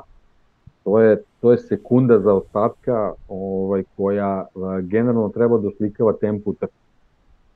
A, ovaj, neka je neka je pola sekunde, neka, neka je ovo samo neko relativno vreme koje nam samo daje neku okvirnu sliku, neka i pola sekunde razlike, ti si na, na 22 kruga, ti si 10-11 sekundi već u, u startu moraš da računaš na, na, na, na minus koji ćeš da imaš, bez, bez kalkulacije vezane za startnu poziciju koja iz ovih vremena najbrži krugova koji pokazuje uopšte nije svetlo za Yamahu, gde pokazuje da će oni zaista imati veliki problem da, da, da se nađu u Q2. Pa ne, ovo što si rekao, opet se vraćamo i ta analiza po, po, opet pokazuje Maha, kada bi mogla da povede nekim čudom, možda bi imala šansu. Kako da povedeš? Samo tako, Samo tako da. Kako da povedeš? I sad vraćamo se za Alex Rins za pobedu u Americi. Evo sad smo vam rekli. Dakle, 8. je februar 2024. Alex Rins za pobedu. Inače, Alex Rins je drugog dana imao testove zapravo uređaja za uh, za start, da ne kažem whole shot device, jel te, i to se dosta radilo i testiralo. Inače, bilo je dosta pitanja da li će i privatnici imati sistem taj za start koji je prošle godine uveo Ducati, neće. To je rezervisano samo za one koji koriste GP24, tako da tu ostaje prednost kada je reč o samom startu, ostaje prosto prednost kod fabričke ekipe Ducatija i Pramakovaca. Samo da ne zaboravimo tu, tu informaciju. Inače, kada pričamo o Ducatiju, generalno jedini koji je bio nezadovoljan jeste Marko Beceki. Neću se vraćati na Marko Beceki, već smo spomenuli, ali čisto da eto i to konstatujemo da nisu baš svi najsrećniji. Ej, da, još jedna bitna stvar. Alex i Mark Marquez. Alex, dobro izgledao, nekako kao da ga motiviše, brat. Ispod 1.57, pazi, to je odličan, odličan zaista rezultat. Zašto je impresivan, na neki način podjednako impresivan kao i oboren rekord, to je stari paket, to je stara aerodinamika, to je prošlogodišnji motocikl i on je spustio vreme dečko ispod 1.57. Dakle, mi govorimo o tome da GP23 dalje ima tu šta da traži i kada pogledaš situacija je rekao bih tu i dalje otvorena za GP23 motocikle jednostavno ne bih ih tek tako otpisao, bez obzira na ovaj silni napredak GP24 i moram ti priznati veći nego GP22 odnosu na 23, jer 23 prošle godine ovo vreme se mučila. Tako je, tako je, ovaj, to je, to je ovaj, uh, jedna stvar, ono što smo na početku pričali, zbog koje rivali generalno trebaju se plaše, što GP24 u ovom trenutku pokazuje da, da je apsolutno spakovan motocikl za, za početak sezone, jer, jer mi smo igrali i računali smo na tu kartu da će nam početak godine doneti prednost 23-kama i da ćemo tu dobiti neku, neku zanimljivost ovaj, što se tiče što se tiče trka, ali, ali ovaj, ovi rezultati nam, nam pokazuju da se gledam Ducati zaista dobro radio ovaj svoj domaći zadatak vezan za 20 za 24-ku, a opet s druge strane, kao što kažeš, GP23 ovaj, s ovim vremenima koje pre svega braća Marquez Diđa ovaj, pokazuje da će verovatno na određenim stazama u određenim situacijama i sletovima okolnosti 22 i dalje igrati, igrati za, značajnu ulogu. Ne znam u kojoj meri, ali generalno ovaj, očigledno da će nekim situacijama kada se nađu u, u, u pozicijama koje budu odgovarale motociklu u tom trenutku da će biti veoma, veoma opasno. Sad, zašto Marko Beceki ovaj, nije, nije bio na nivou ovaj, barem Fabio Di Antonija u principu bi, bi trebalo da bude, ovaj, to ćemo vidjeti da izanaliziramo, ali generalno ovaj, na motociklu da ti generalno nemaš ovaj, priliku za, za razvoj i za napredak, trebalo bi da, da, ovaj, da možeš da, da pružiš ovaj, i ole slične performanse kakav si radio prošle godine, sad možda generalno 23 konstrukcijno bez ne odgovara, to će mu predstavljati veliki problem u početku sezone dok on generalno ne navikne i na i, i možda mora da bude morao da promeni stil vožnje. To je ovaj neminovno u, u takvim situacijama, tako da ćemo vidjeti da li se, da li se radi o tome ili su ove neke, neke trenutne slabosti vezane za, za sam početak. Mada videli smo dosta vremena na ovaj trošenju društvenim mrežama da snima ovaj razne storije i klipove, pa možda ga je to omelo ovaj, koncentracije fokus, da se fokus. malo bolje Ali generalno fokus. je bilo simpatično. Jeste, jeste, pa da, dobro. Ne Marko je ništa, ništa negativno. Da. Je simpatičan general. Marko je, Marko je čao svima, tako da... Čao svima. On je sam, sam film sezon. Za njega mora da napravimo majicu, čao svima. da, ali Diđa, ono što si primetio na prezentaciji Diđa, koliko je bio nekako ozbiljniji, nekako rekao bih, korporativniji gotovo. Vidjet ćemo da li ćemo to pomoći, jer vidi, ono što je meni fascinantno, DJ je promenio šefa ekipe, promenio celu ekipu, opet odradio najbolju simulaciju i ne samo to, on dečko generalno kroz sva tri dana izgledao vrlo staloženo, vrlo stabilno, kao da tačno zna šta treba da uradi. Čak moram ti priznati da ja Diđu ne pamtim ni u Moto2, ni u Moto3 klasama, pa ni u Red Bullu kupu Novajlija kao takvog vozača. On je od uvijek bio eksplozivan, brz, harizmatični vozač, ali metodičan vozač kakav sad jeste na stazi, jer vidi, njegova, njegove trke u Kataru su bile, Katar je bio meni impresivan, Diđan Antonio, kada pogledaš... da je metodičan. Njegov najbrži krug je došao u 18. krugu. Znači nije, nije pravio najbrži krug u 7. 8. kao, kao ostali vozači na Ducatiju. Jasno. Nego, nego, je, nego je možda već u situaciji prvo što ono što je možda, možda bitan, bitan detalj, svi Ducati isto vremena ova svoja najbolja, najbrža pravili dok je staza još bila relativno hladna. Kako se staza, kako se staza ugrela, ostali su počeli da, da, da prave neka kvalitetnija vremena, nisu mogli da dostignu Ducati, ali generalno su, ovaj, recimo, Brad Binder je svoj najbrži krug vozio u 55. krugu. Znači, to je sigurno već, već daleko odmak, odmaklo vreme ovaj, testiranje, vjerojatno se staza onako prilično i zagrejala, tako da možda tu mogu isto da budu neke indikacije vezane za to na koji način se Fabio Di Antonio priprema za trku i možda generalno možemo da dobijemo i tu neku neku sliku da možda neće igrati neku veliku ulogu kad, kad je reč o, o, o sprint trkama, možda možda neće na taj način ovaj, pristupiti ovo, ovoj sezoni, nego će gledati da možda metodičnije i kvalitetnije ovaj, uđe u veliku nagradu kako bi, kako bi na glavnoj trci u stvari ovaj, na kraju ovaj, ostvario neki kvalitetni plasman a, a, ala Enea Bastianini i neki, neki njegovi pristupi velikim nagradama. Vidi, žao mi je što se Beceki povredio na kraju prošle godine. Zašto? Bastianini je pobedio u Maleziji. Banjaja pobedio na kraju sezone, bio je non stop tu. Martin je pobeđivao takođe na kraju godine. Mi pričamo o tri vozača fabrička de facto. Ok, Jean Zarko nije bio na tom nivou, ali je pobedio on u Australiji. Ko se jedini suštinski umešao u završnici sezone u celu tu priču? Fabio Di Gian Antonio. I sad, delovalo je da je to anomalija, trenutak, otpušten sam, ali deki, ovde sad još je rano, ali mi dobijamo možda, ja se nadam, neku novu verziju DJ koja je takođe svesna da i ovaj ugovor ističe na kraju godine. Nije on dobio petogodišnji sad ugovor pa može da se opusti, možda mu je to potrebno, ne znam, ali mi se dopada jer ako pogledaš sve naše kolege inače pričaju mnogo o Banjaji i Martinu u kontekstu toga da su odnosi između njih još hladniji nego što su bili na kraju prošle godine. Navodno, ni jedan ni drugi, ni jednom rečenicom, rečju nisu spomenuli jedan drugog. Dakle, bukvalno nisu spomenuli jedan drugog. Što je sve okej, okay, to je sport, ne, ne, oni su prijatelji, ali prijateljstvo se ostavlja kad se izađe na stazu u garaži. Ono što je pojenta jeste da njih dvojica i mislim da je Martin zacrtao cilj. Titula mora da padne. Međutim, imamo je Neo Bastianiniju. Ajmo je Neo Bastianiniju. Svi koji su bili u Maleziji, mi nažalost nismo bili u sledeće godine, da morat ćemo da iskombinujemo Chile Malezija. Dakle, Bastianini kažu da deluje kao, čak je i, i Davide Tardoci, menadžer ekipe Ducati, rekao da je to Bastianini iz 2022. Da je to onaj Enea kog smo gledali kada je pobeđivao za Gresini. Moramo da ga dodamo u celu ovu priču. Njemu ističe ugovor sa fabričkoj ekipi Ducatija na kraju godine.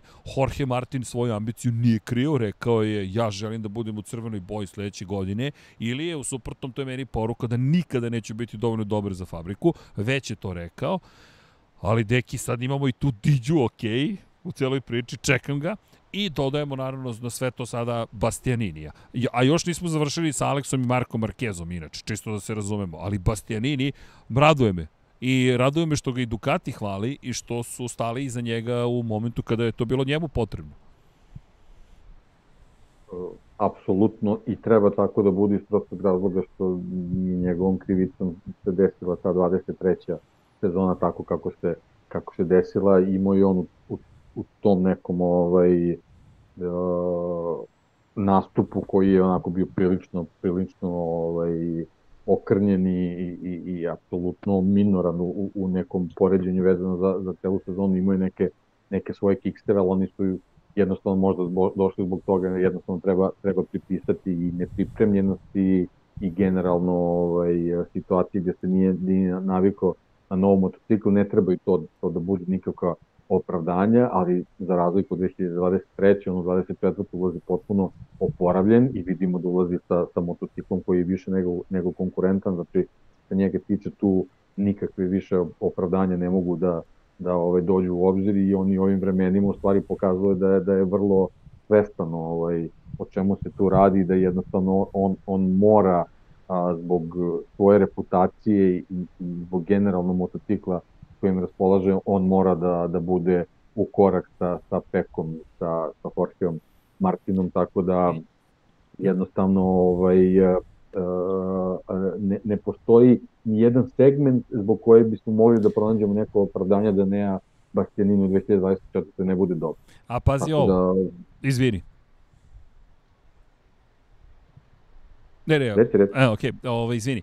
Uh, prošle godine, šta je ne bio veliki problem? Nije se navikao na GP23 dovoljno brzo. Generalno je Ducati imao probleme sa 23-kom. Kada su počeli da rešavaju probleme, on je bio na bolovanju, on čovjek nije bio na stazi, jer ni Francesco Banja nije bio zadovoljan početkom sezone. On na početku sezone je govorio o tome da, da, da on je pobeđivao, ali je govorio o tome da jer to jeste bio prebačen fokus, da još uvek tu moraju stvari neke da se urade da bi to bio savršen motocikl. Seti se, bilo to Gremlina, ne kao 22. kad su pravili ozbiljne greške, ali nije bilo to to. A Bastianini ovoga puta je imao ceo test u, u Maleziji, imaće, nadam se, ceo test u Kataru i dolazi na mesto svoje prve pobjede u Moto Grand Prix-u kao potpuno osvežen. Inače, atmosfera u garaži Ducatija, to, to smo mogli da vidimo i osjeća se kroz kadrove, ali i, i kada pročitate izveštaj, inače pozdrav za našeg prijatelja Davida Emeta, dakle, David koji je isto pričao o tome da atmosfera je na kraljevskom nivou, oni se ponašaju došli su do stadijuma, neću reći nadmenosti, nego onog momenta kada hoćeš da ostaneš na tronu, moraš da zauzmeš jedan stav gde, ej, mi smo rođeni da, da budemo tu na vrhu I tako se i ponašaju u ovom trenutku. I u tu celu priču upada Bastianini. Tako da se baš lepo slažu kockice. Volao bih da kažem da neka druga ekipa dovoljno napredovala ili nije. I dodajemo sad na Aleksa Markeza i Marka Markeza. Inače, Mark Markez rekao je da, da će da, je, da, da, da još nije na nivou najbržih vozača na Ducatiju i rekao je da treba zaboraviti 11 godina vožnje Honda Jer, deki, on je poslednji put motocikl promenio 2013. godine. Mi pričamo o momku koji je pre 11 godina seo na Hondu i nije silazio iz Honda. Koliko god da se evolu, da je evoluirala i menjala se, to i dalje bila Honda. U srcu je to bio isti motocikl i rekao je da mu nedostaje još uvek dovoljno razumevanja, pogotovo kada je reč o korišćenju zadnje gume i generalno prijanjanje koje ima na, na izlasku iz krivine, da bi bio brži. Za tempo u trci je rekao da je zadovoljen, međutim još mu nedostaje tempo za te brze pojedinačne krugove. Pa dobro, mislim, meni to nekako uh, ovaj, kako bih rekao, i, i potpuno, potpuno prirodno, uh, s tim što mi kroz ove rezultate na ovim zimskim testiranjima uh, vidimo da on nije, nije preterano daleko od, od, od vozača na, na, na Dukatima, pre svega mislim na Diđu koji je na, na GP 23 vezano za, za te neke zbirne krugove i, i, i, neki, i neki njihov prosek i naravno bilo bi senzacionalno da, da u ovom trenutku njega imamo na GP23 da je, da je brži od GP24. To jednostavno ne bi, ne bi bilo moguće u ovom trenutku i stvarno je nerealno da, da, da tako nešto i očekujemo, ali, ali generalno on svojim rezultatima pokazuje da, da je naravno talent kakav, kakav, je, kakav jeste da, da je vrlo sposoban da se da se prilagodi tim promenama, sad je jedino što je, što je kod njega potrebno, potrebno se promeni taj instinkt vezan za, za, za vožnju ovaj, Honda, da, da jednostavno se nekako resetuje da se prebaci na Ducati, samim tim će se on verovatno ovaj, još, još dodatno ubrzati kao i, kao i, i, i sam što je rekao, sad da li će to i u kom obimu će biti, da li će biti dovoljno za, za neke spektakularnije rezultate, ne znam, jednostavno nisam siguran da, da, da to u ovom trenutku možemo da procenimo, ali generalno mislim da bi da će za njega zadovoljavajuća situacija biti da, da, da se samo ustali nekim rezultatima koji ćemo, koji ćemo donositi ne, neku, neki boravak bliže bliže vrhu i bliže, bliže toj, toj, toj poziciji da bi u nekom trenutku mogao da, da uradi taj neki svoj ultimativni cilj, mislim ono kakav jeste Mark Marquez da jednostavno proba da, da počne ponovo da pobeđuje, jer, jer to je generalno ono zbog čega je on i promenio čitavu priču i, i, ovaj, i, i prešao na Ducati. Ono što smo očekivali da će možda se desiti na početku ove sezone vezano za, za ajde da kažemo, trku u Kataru i još nekoliko sledećih trka je to što, što smo mislili da možda da će po istom principu GP24 da, da vremeno možda ulazi u, u, u, u taj neki najkvalitetniji šampionski setup kao što je bio slučaj sa 23-kom prošle godine, ali očigledno da ćemo ove sezone njih imati konkurentno samog starta, što samim tim jednostavno ne, možda, ne mogu sada da kažem isključuje, ali generalno dovodi u jako tešku situaciju momke na, na prošlogodišnjoj verziji Ducatija da oni sad ovaj, apsolutno mogu da očekuju da će, da će konkurisati za pobedu na prvoj trci kao što to do sad bilo. Jednostavno Ducati je evoluirao i na tom polju, tako da ovo, imaju zaista moćno oružje očigledno u početka sezone. Ne, pohvale za Ducati u tom kontekstu da taj motocikl i dalje napreduje. Isto se dešavalo sa GP22-kom. Sad ne znamo šta će sve dobijeti tokom godine od novih dijelova ili ne. Inače, Dijan Antonio je rekao da je njegovo mišljenje će napredak biti težak sa GP-om 23, jer se ne očekuje previše novih delova i da bi ovo mogao biti uslovno rečeno maksimum. Rekao, teško je sada vi da nađete mnogo više iz ovog motocikla kad vi ne dobijate nove delove. Tako da čekamo da vidimo šta će se tu dešavati, ali mislim da će tu zavisiti dosta od rezultata iz dva razloga. Prvo, zato što Ducati voli da ima pobednike u svojim redovima, ako se ispostavi da mogu da imaju, ne bi me iznenadilo da daju neku podršku. Sad, to ćemo vidjeti da li će biti previše brzi ili ne. I s druge strane, to vam je pa javnost, vi, gledaoci, kada dođe situacija u kojoj je utisak javnosti da aha, ne daje, nećete da pomognete ovima, nikom to ne treba. Ti si ovde da bi konačno i promovisao svoju robnu marku.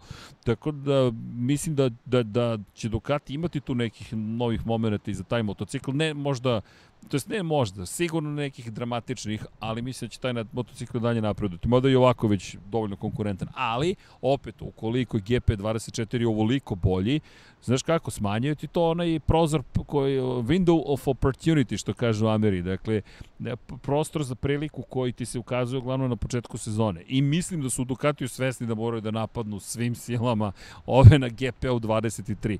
Inače, za Marka Markeza, on je drugi najbrži bio posle svog rođenog brata na GP od 23, ali kada ste Mark Marquez, kada imate 8 titula šampiona sveta, 85 pobjeda, očekivanja su nerealna i tako moraju da budu nerealna. Konačno Pedro Acosta, Novajlija je došao, seo je i odmah je tu, na, na, na, na nadomak onoga što rade braća u, u Gresiniju. Inače, da odgovorim na jedno pitanje još s početka, izvinjam se, vrtim ovde sa svih strana komunikaciju, ali da, bilo je pitanje da dovezujemo i na Apriliju, doći ćemo mi do KTM-a, ali Aprilija koja je imala na sebi onu rešetku, da je tako nazovemo, dosta ljudi je pitalo za tu rešetku, ali rekao bih da, da ne pratite Formulu 1 zapravo, to je kombinacija pito cevi koja služi zapravo da dobijete i to je lepo objasnio Romano Albisijanu, zapravo dva, dva aspekta pratite kroz nju. Inače, zašto rešetka? Pa zato što želite da formirate 3D sliku onoga što se događa iza motocikla, iza bolida ili na delovima bolida, na primjer na sredini bolida. Obično ih tu možete vidjeti. To je zapravo niz sklop pito cevi. Šta je pito cev? Je zapravo cev u kojoj imate unutrašnjost cevi je bušna, imate ovako rupu kroz koju ulazi vazduh, jel te? To je dinamički pritisak i imate statički pritisak koji se nalazi unutra, koji je uvek isti i imate merač pritiska između te dve komore i na taj način vi kroz razliku u pritiscima uspevate da merite brzinu i ponašanje vazduha. E sad, razlikama u brzinama vazduha na različitim tačkama te mreže, vi dolazite do toga da razumete kako se zapravo ponaša obstrujavanje vazduha iza vašeg vozača. I to je ono što je Aprilia učinila tačno se deki vidi da na, ne, naše kolege ne prate toliko Formulu 1, jer su mislili da je to novi deo koji koristi Aprilia, što nije istina, ne koristi novi deo, već je samo u pitanju nešto što je ređe do sada viđeno uopšte u, u, u Moto Grand Prix, ali verujte, to je sve da, ali sad dolazi vreme da, da bude uobičajeno. Tako je. Čekaj, samo da. sunce takođe da, dolazi, da je malo... Vjerovatno koriste aha, kameru, aha. Da, da, da ne bude baš... A, sad vidimo kako se lepo preplanuo. Za razliku od nas. E, čutaću. I will shut up. Nema veze. Ovaj, generalno, ovaj, ono što smo pričali, April je nekako ovaj, već, već nekoliko sezona unazad pokazala ovaj, kakav je pionir vezan za, za razvoj te aerodinamike u, u Moto Grand Prix-u i sam, samom primenom ovaj, ovih tevi jednostavno ovaj, pokazuje da, da se koristi ta neka ekspertiza iz, iz Formula 1 i ovaj, možda bi mogli da pročačkamo da vidimo stvari ko čini ovaj, taj tim inženjera u aprilu koji se bave koji se bave ovaj, tim, tim delom razvoja s obzirom da verovatno nije slučajno što ste baš odlučili da, da koriste to i generalno kad pogledamo aprilne motocikle stvarno vidimo ovaj, ovaj, tu neku novu generaciju ovaj Moto Grand Prix prototipova koji odlaze u, u, u neki stvarno ekstrem koji prilično, prilično se razlike od motocikla koji smo imali, koje smo imali možda tek pre 5-7 godina. Ove, ovaj, zaista, zaista je ovaj, vidljiv taj, taj veliki napredak, ne znam u kom smeru to može da i, i, i šta, šta može da nam donese, ali generalno ako krenu ovaj, sa, sa usvajanjem ti nekih elemenata vezano za, za efekt tla, ovaj rezultat iz Malezije može da se spusti ispod 1.55. da, ovo kako je krenulo, neki, idemo na Formulu da. 1 otprilike. Pa ne, generalno, generalno videli smo i kroz Ducati, znači generalno te neke maksimalne brzine, što se tiče pravaca, smo već dobili, ta ubrzanja su ovaj, generalno ne, na nekom izuzetnom nivou, jedino što može se desiti po, opet, ono, ponavljam više puta to, ovaj, pogledu na Formulu 1 mi samo možemo da dobijemo motocikle koji su brže, brže u, u krivinama ili da eventualno budu još efikasniji na kočenjima, a zaista ne, ne znam e, dok to sve može da Pa, Ajmo ovako, izvini sad detalji, detalji. Izvinite, malo smo uzbuđeni pa onda pozaboravljamo neke detalje. Šta je rekao Banjaja za novi Ducati? E, imaju mnogo više negativnog uzgona. Pazi, sad negativni uzgon nam je stigao u Moto Grand Prix. Popularni downforce, da ne kažemo nizgon prema novom. Dakle, mašinci bukvalno ga zovu nizgon i kada govorimo o toj sili aerodinamičkog potiska negativnog, dakle, koja pritiska bukvalno vozilo, u ovom slučaju motocikl, mi dolazimo do toga da zapravo, ajde, za oni koji ne prate Formulu 1, kroz sva ova aerodinamička rešenja mi zapravo repliciramo ono što je već poznato i što su poznati principi u avioindustriji, gde je uzgon zapravo glavna sila koja pomaže, to jest omogućava da telo poleti, to jest da određeno vozilo poleti avion uglavnom. Dakle, mi govorimo o tome da je ovde samo suprotan princip, negativni uzgon, to jest nizgon, gde se generiše polje niskog pritiska ispod jel te, površine krila u ovom slučaju i kada pogledate kako to funkcioniše u Formuli 1, isti su principi i ovde. Vi gledate da stvorite polje visokog pritiska iznad, ono što se dešava jeste vrtoženje vazduha i čak smo došli do toga da imamo neku vrstu produvanog difuzora kod Aprilije, kada je već spominješ. Moram da napomenjem. Dakle, Banjaja je objasnio da na kočenju je mnogo stabilniji motocikl zahvaljujući novom rešenju, a onda u celu tu priču uskače Aprilija koja sada koristi neki difuzore. Dakle, sad su difuzori motori stigli u Moto Grand Prix i fascinantno je dokle sve to može da ide. Dakle, mi sada već govorimo o tome da se bavimo i difuzorima. Ja, ja sam pom, ja iskreno moram ti reći da sam pom, da sam mislio da nikad neću spominjati difuzore u, u Moto Grand Prix, ali očigledno da smo stigli do stadijuma kada kao i u Formuli 1 ti juriš na svakom deliću tog relativno malog objekta, mada je sve veći i veći motocikl, juriš neko unapređenje, pa eto, čisto da ne zaboravimo da smo počeli da dobijamo i difuzore. Pri čemu šta je prodovani difuzor za, za one koji prate, ajmo, publika koja je još uvek tu, da li, da li se sećate prodovanih difuzora? to, to je jedno od glavnih pitanja. Prodovani difuzor, da li se sećate kako je izgledao i zapravo šta smo imali kada je reč o, o Red Bullu i, i Renaultu, kada je Adrian Njuj zapravo uveo rešenje koje je dovelo do toga da vi zapravo kada pustite gas, vi dalje izbacujete, to jest šta, šta su radili? Imali smo situaciju da je, da, da, zapravo to je hladno prodovani difuzor, nije isti princip, ali da vi zapravo, na, kada ste na gasu, vi pokušate izduvne gasove da usmerite zapravo ka aerodinamičkim površinama, uglavnom ka difuzoru kako biste zapravo povećali volumen, to je zapreminu gasova koji dolaze do difuzora i tako pospešili njegovu efikasnost. Deki, mi smo stigli tu. Inače, Mark Marquez je rekao da mu se ne dopada, da mrzi pot kojim je krenuo Moto Grand Prix, ali isto tako rekao da je prosto moraš da prihvatiš da, da smo krenuli u tom smeru i da je to manje više to. Jednostavno, ne znam da li ste obratili, jesi obratio pažnju na zadnji kraj, kako izgleda sada, kod, jesam, kod Aprili? Lija je... Što ludilo? Da, kao što ili neke kolege su komentarisali da kao Batmobil, prilike, više niko ne zna šta, šta tu od elementa ima, ali mislim da smo sad u toj nekoj eksperimentalnoj fazi kao što je opet se vraćam, Formula 1 prolazila se nekih 30 godina kroz, kroz, kroz tu čitavu priču, da je onda, onda sve kulminiralo možda tamo negde ovaj, početko 2000 i u, i u prvoj deceniji 2000 te sećaš se kakve smo tu sve dodatke elementi imali po, po, po, po, po bolidima. Da, da, da, da, da, to da, dobro da, si se setio toga, to se zaboravio. Sećaš onih je. bočnih visokih delova? Ko je to imao? To Tirali još, ne, Tirali je to, Ja, ko je to da, imao? Da, imali su, imali su, imali su ona, ona kao X krila, sećaš se, jeste, u, jeste, jeste, jeste. u Monte Carlo, pa, pa ne znam, imao se onaj Moržev not na, na Williamsu, pa, pa ne znam, bilo je 2007. 8. bilo je potpuno normalno da, da, da na bokovima gde su, gde su radijatori imaš nekih milion krilaca koji su posle vremenom počeli da, da im redukuju, da zabranjuju, da ih, da ih postavljaju i tako dalje i tako dalje.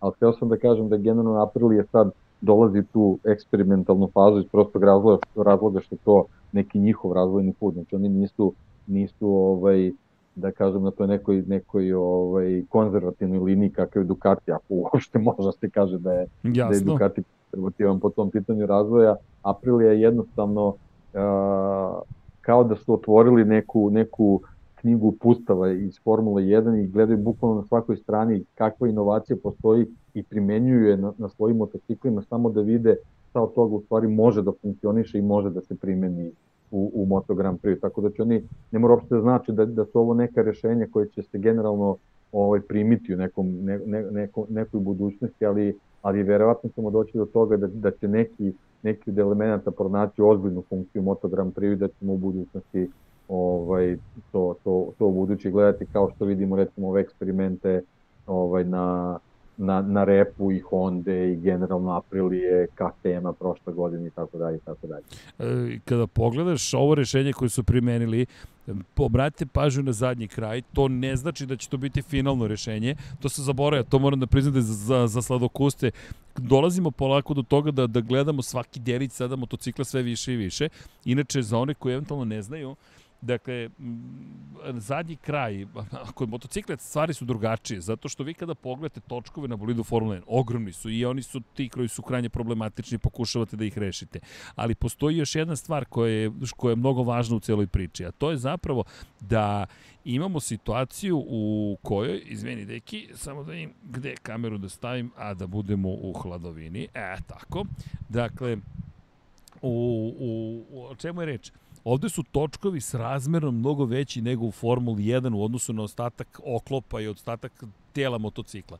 Samim tim, malo je drugačije kada se igrate ovde sa aerodinamikom. Jedan od problema s kojim se suočila Aprilia jeste vrtoženje vazduha sa zadnje gume, jer vi pokušavate da gurnete sada na taj mali rep pozadi koji se nalazi iznad zadnje gume, dovoljno izduvnih gasova da stvorite neki negativni uzgon. Pazi, neki koje su to sada male razlike koje ti pokušavaš da stvoriš. A dole ispod tebe ogroman točak koji vrtloži vazduh, pride pokušavaju da stvore dvostruki difuzor, dakle idemo na Bron Grand Prix 2009 razumeš taj moment, ali stvari u tome što kod motocikla to sve funkcioniše na pravcu. Čim uđeš u krivinu, taj difuzor čemu sad složi u krivini. I onda dolaze bokovi oplate, kojima se tu sada bavimo, i ona prednja krilca, da, mnogo ljudi je pitalo za prednje krilo na, na oslanjanju zapravo. Ti na amortizerima sada imaš prednje krilo kod svih manje više. Tako da ima, imat ćemo čime da se bavimo, šta da analiziramo, ali Apriliju moramo da istaknemo. Potpuno je šašavo to što radi. Tako je, tako je, ovaj, jednostavno to su, to su eksperimenti, ovaj, dok god pravila to dozvoljavaju da, da, da, se, da se ostupa od, od nekih tradicionalnih rešenja, to ćemo imati. Verovatno ćemo u nekom trenutku dobiti ograničenje toga, za sad deluje da je, da je sloboda potpuna i imat ćemo ta, ta blesava rešenja dok, dokle god ovaj, neko ne, ne, ne dobije neku, neku ovaj, pobedničku formulu kao što, kao što je Ducati rešio te neke svoje ovaj, da kažemo probleme pod navodnicima sa GP20 i GP21 tako da ovaj, ono, traži se sveti gral vezan za, za, za aerodinamiku ovaj, neke, neke, neke nove generacije. Ovaj. Tako da vidjet ćemo, mislim, ono što si rekao, ograničavajući faktor postoji iz prostog razloga, sa to točkaš i do točkaš nije, nije isto, tu su potpuno neke, neke druge dimenzije, neka druga polja koje generalno a, mogu da se prate i da se, da se ovaj, a, planira taj neki razvoj, tako u stvari o, ovo su sad neke godine gde ćemo videti gde će to sve da nas odvede, osim ako neko u nekom trenutka ne, u nekom trenutku ne preteči, kaže dosta, nema više ovaj, Ajde, ajde znam, znam da... Vraćamo se korenima, ali mislim da će to biti te. Da, znam da ćemo u ponedeljak u Formuli 1, ali deki, svi isto, ja mislim, razmišljamo, zabranite da bolidi ne, ne mogu da budu ofarbani. Dakle, mogu da budu crni, ali mora da se koristi farba. Dakle, jer ovo trenutno imamo takmičenje ugljeničnih vlakana otprilike. Ok, karbon, jel te, taj popularni naziv, lepo izgleda ponekad, ali deki manje više sad imamo formulu sve je crno, pošto štedimo na farbi, smanjujemo masu, a okviri će biti u nekoj boji koja će nas identifikovati kao neki drugi bolid. Ni, ne, ne, ne dopada mi se. Ne, I ne volim da pravilnici govore bilo šta, ali eh, trenutno mi bolidi izgledaju eh, manje impresivno po tom pitanju. Došli smo, došli smo ovaj, da tu situaciju da imamo bolide koji ovaj, imaju dosta elemenata ovaj, gde se razlikuju jedan od drugih, a u principu kad pogledamo neku generalnu sliku, malo ne dođemo do toga da su svi identični. I to je nešto. I magnet za publiku u principu. Pa vidi, znaš, pogledaš fotografije neke stari, kao vidi kako su lepi. Gde se sećaš ovog bolida, sećam se to iz te i te godine. Sada e, znamo samo eru, ali dobro, da ne odem predaleko. Da, sećam se nekih mojih prvih utisaka kad sam užio išao na stazu, ovaj, generalno gledaš do tad na televiziji bolide, naravno tadašnji ekrani, televizori nisu mogli ni blizu da prenesu, to, da dostaraju generalno boje i onda odeš na stazu i ne znam, vidiš kako je Ferrari crvena ili kakav je Marlboro McLaren i, i onda shvatiš u stvari u kakvoj si zabludi živeo. živeo. kako si na stazu, a sad generalno ovo, ovo crno, crni karbon što vidiš, generalno isto tako crno i, i uživo. A pa, manje više svi znamo kako karboni izgledaju, meni je masa telefona. Svako je imao kontakt sa, sa, sa karbonom iz te perspektive. Tako da je sve okej. Okay. inače, samo izvini ovde, ne da, uh, pokušavam da namestim još nekoliko, nekoliko stvari. Uh, kada je reč o Aprili, da, da ne zaboravimo dve, nekoliko bitnih momenta, Trackhouse, ajmo da krenemo ovako, imamo Aleša Espargara, imamo Maverike Vinjalesa, imamo Raula Fernandeza, imamo Miguel Oliveiru, da pokrijemo prvo fabriku, samo brzo, ne brzo, ne možemo tek tako. Aleš Espargaro zadovoljan, rekao je da potencijal je prilično veliko da Aprilije, korak je napravljen napred, ne vidim baš da su smanjili razliku nužnu u odnosu na Ducati, možda za malo, međutim kaže da taj motocikl ima ozbiljan potencijal. S druge strane, Maverick Vinales, koji uvek na testiranjima među najbržima, Deki ni blizu ove godine, dakle ni, nije ni među top 10 bio i nije zadovoljan onim kako se ponaša Nova Aprilija. Rekao je da prosto još tu ima puno posla za njega. S druge strane, Aleš nekako u godini u kojoj verujemo da će otići u penziju, opet je mnogo brz. Opet je među top 10 i opet mu stvari... Pri čemu, ne znam da si vidio njegovu novu fotografiju, Deki. Ja tako ne znam da se fotografišem već 10-15 godina. On čovek, ja mislim, ima 3 grama masti, 3% masti u svom telu i rekao da inače promenio u potpunosti način, režim i ishrane i treniranja, kao da mu je bio loš ranije kako bi za ovu sezonu bio još fizički bolje pripremljen. Znam šta je promenio, verovatno ne sme više bicikl da vozi. da, se se vidi tesno, deki, ali čovek izgleda, ja sam rekao, samo, ok, gasi Instagram, isključuj se sa mreža. Dakle, to je ono, six pack što kažu, jel te, sve su limenke piva. Kod mene je bukvalno pivo, kod njega su oblici limenke piva, ali stvarno, se čovjek pripremio vrlo ozbiljno. Ja ne vidim tu penziju o kojoj se priča. Meni delo kao da on svake godine sve spremni i spremni. Najbizarniji čovjek koga sam ikad pratio u karijeri. I dopada mi se, volim napredak. Nema veze. Po... Najgore, najgore ako se ispostavi da su ovi motocikli lakši za voženje od onih ranije, pa zato mogu tako dugo da, da produže karijeru. Šalim se. Da, deluje mi da nije tako, ali, ali, ali, okej. Okay. Deluje, mi, deluje mi da je on u stvari samo, samo jedan od, od tih ekstrema, pa, ovaj, kao da. što je Fabio Di donio ekstrem vezan za, za, ove, za ove rezultate ovaj, zbirnih krugova, se ja se uvek vraćam na to. I ovaj, generalno što tiče Maverika se to što nije u vrhu vezano za, za najbrže krugove, generalno ne menja ništa, pošto znamo kako je katastrofala na startu.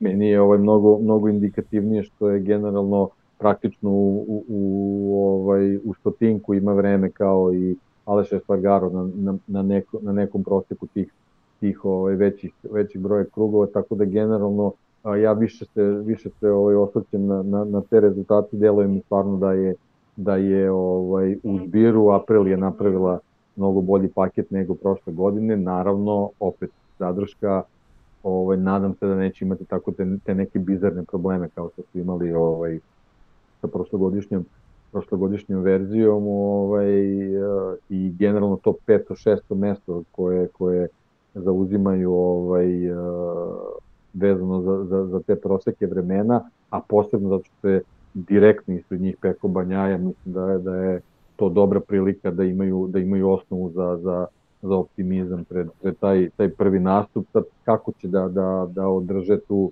tu kvalifikacijnu brzinu za, za taj krug koji im je stvarno, stvarno neophodna, ne znam, možda ale stvarno ima, ima talena da mnogo lakše otključa ovaj motocikl od Vinjalesa, ali, ali to nećemo moći generalno da znamo dok, dok ne dođemo na ovaj, u, pet, u petak na, na, na, na prvu trku sezone dok u stvari vidimo kakav je, kakav je taj, taj kvalifikacijni tempo generalno napravili. Mislim da imaju taj neki trkački koji njima koji njima neophodan, možda nisu baš na nivou GP24, ali, ali mislim da, da će ih generalno zadovoljiti iako, iako budu u samom vrhu u ovom trenutku s obzirom kakve su sve probleme imali prošle godine i kakva je tu amplituda rezultata bila meni Maverick Vinales i dalje ostaje najveća enigma.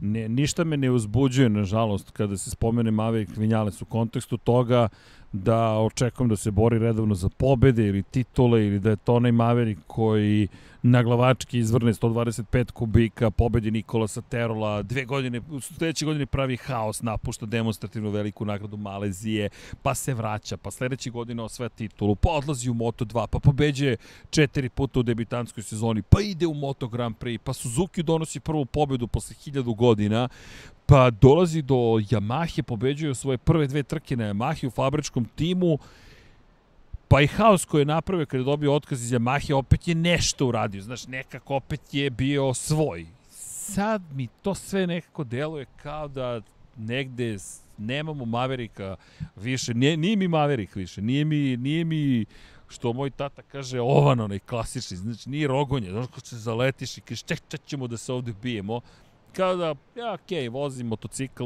i on je brz, svi su oni spektakularni, ali kao da nema tog, te jedne žice koje, koje, koje je tu postojala, ali dobro, ajde, da, da sačekamo dugo je sezona. Nedostaje, nedostaje taj moment koji očigledno Aleš u svojim godinama ima više od njega iz nekog razloga, jednostavno stvarno ne znam šta, šta to može da bude problem, ali generalno to je neka preslikana priča Aleša i Jacka Millera, jednostavno nekako od njih dvojice koji smo zbog nekih ranijih nastupa, sto u nižim kategorijama, sto, sto ovaj, u nekim drugim ekipama, da nedostaje nam taj, taj njihov uragan, taj neki njihov bljesak u kojem pokažu u stvari e, šta mogu i, i, i koliko su dobri. Nekog razloga to je jednostavno uh, tako. Mislili smo da će kod, kod Maverika to drastično se promeni ovaj, prelaskom iz Yamahe u aprili, ali generalno on, je, on kao da je ostao na, na, na tom nekom, nekom nivou isporuke rezultata koje generalno ne, ne može ni Apriliju da, da zadovolji, a on je u stvari doveden uh, u tim da, da u jednom trenutku pres, preskoči Aleša po I da bude vođa. I, tako i da bude vođa tog ekipe, te, te ekipe, da sad u stvari dolazimo u situaciju da Aprilija treba da traži nekog, nekog mlađeg vozača koji će uz Maverika u stvari da, da, da, da, se, da sazreva i da, da se da se hmm. gradi, a mi dobijamo situaciju da je jedan veteran ponovo brže. Sve bolji i bolji. Bez obzira što su zimski testovi, nema da to ništa znači, ali generalno kad pogledaš tabelu i kad vidiš da I da sad. Spargaro koji bi već trebalo da razmišlja o penziji, da je, da je ponovo brži, onda stvarno nešto nije u redu. I sad, polako li sigurno šah kako se igra? Neću sada da spomenem vozače, ali ajmo da spomenemo Trackhouse Racing. Deki, oni su rešili da ozbiljno poremete stvari potpisali, to je skupili ekipu u poslednji čas RNF Aprilije, bar je me zvanično u poslednji čas.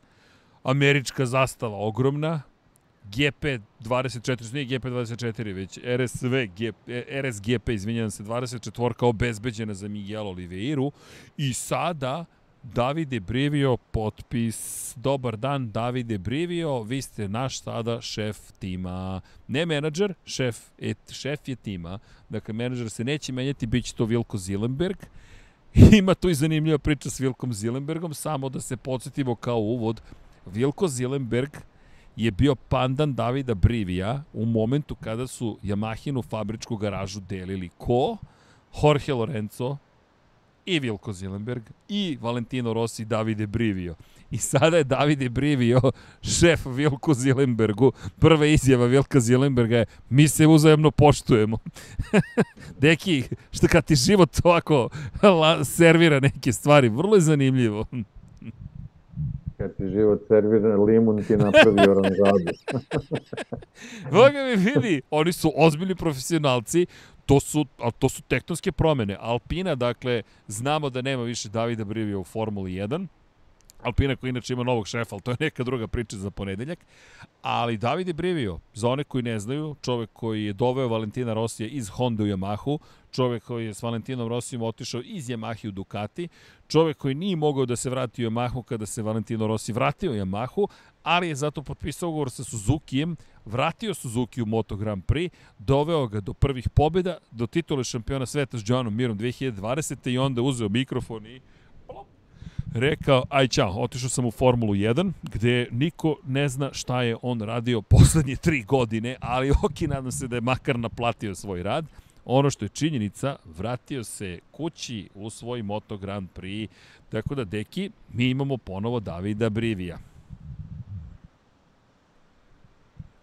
Pre svega, ono, emotivni ovaj, povratak Davida Brivija, generalno mislim da, da ovaj, da je takva osoba, ovaj, takve reputacije potrebno Moto Grand Prix, da, da generalno na što više mesta, što više ekipa imamo takve ljude koji, koji generalno imaju neku svoju istoriju rezultata i, i, i pre svega velikih uspeha, to mislim na, na tu situaciju sa Suzuki generalno u, u nekoj priči gde, gde nijednog trenutka taj Suzuki nije bio ovaj, na listi najvećih favorita, favorita da, da, da, da se ostvari ovaj, takav, takav rezultat. Znači, generalno čovek koji je uspeo da organizuje tu ekipu i da u tom trenutku izvuče najviše i iz tima i, voza, i vozača, naravno, ostaje žal što je Alex Rins ovaj, bio povređen u tim trenucima, pa, pa nismo mogli da, da, da dobijemo na kraju sezone neku sliku da li je, da li je možda mogo čak da bude i, brži od Joana Mira, što bi bilo onako,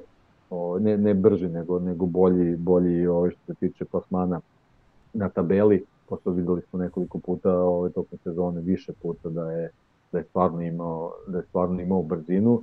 Ovaj e sad ovaj ovaj povratak posle tri godine pauze ovaj može da bude ovaj možda i, i, i kvalitetna priča zato što se to još još neko dodatno iskustvo koje možda nije direktno vezano za, za motociklizam, ali je vezano za Formulu 1 gde Moto Grand Prix u stvari pokušava da prati čak i organizaciono ovaj, taj sistem, tako da možda Trackhouse dobije taj jedan korak ispred u odnosu na, na ostale privatne ekipe i, i što imamo taj, taj zanimljiv uh, moment gde David Brivio bar tiče jednog dela garaže nema potrebu da razmišlja toliko o samom direktnom razvoju motocikla kao što je to radi u Suzuki, nego ima, ima neku, e, neki proizvod koji od prošle sezone treba u stvari samo da se dovede na, na, na, na maksimalnu moguću ovaj, performansu zbog, zbog namene za koje je potreban. I sa druge strane imaš još jedan novi motocikl gde generalno ne učestvuješ toliko u njegovu razvoju, nego ga praktično dobiješ kao, kao neki gotov proizvod, tako da si u, u tom smislu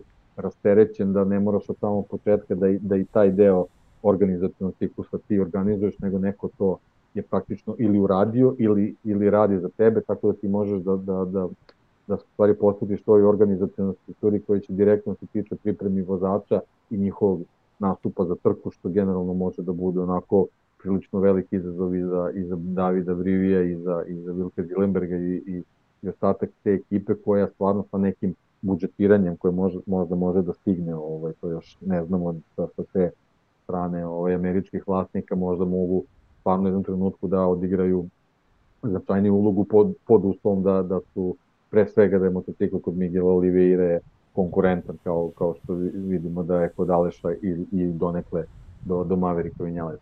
Što se tiče Raula Fernandeza, meni mnogo žao što se, što se on povredio, videli smo da je, da je zaista raspoložen i da, da se ovako prilično srodio sa tim, ovaj, sa tom prošlogodišnjom verzijom, ne sad koliko će ovaj, ova povreda njega sad da, da izbaci iz ritma vezano za, za pripremu za, za novu sezonu. Nadam se da, da neće mnogo, ali baš bih volio da, da vidim kako su njegovim rukama da izgleda taj motocikl koji je prošle sezone onako imali smo naznake koliko kvalitetan mo, može da bude, ali nikad ga nismo dobili očigledno u tom nekom punom potencijalnu, po, posebno finišu sezone gde je možda i trebalo da, da se napravi taj neki iskorak odnosno na ranije, ranije godine, ali što ponovo desili se te neke nepredviđene teškoće koje stvarno verovatno niko nije, nije ni očekivao, tako da se nadam da će pre svega Brivio sa svojim ekspertizom, baš što se tiče trackhouse racinga, ovaj, uh, doneti do toga da, da, da imaju sigurnost i taj, taj neki kvalitetniji nastup koji im je neophodan da,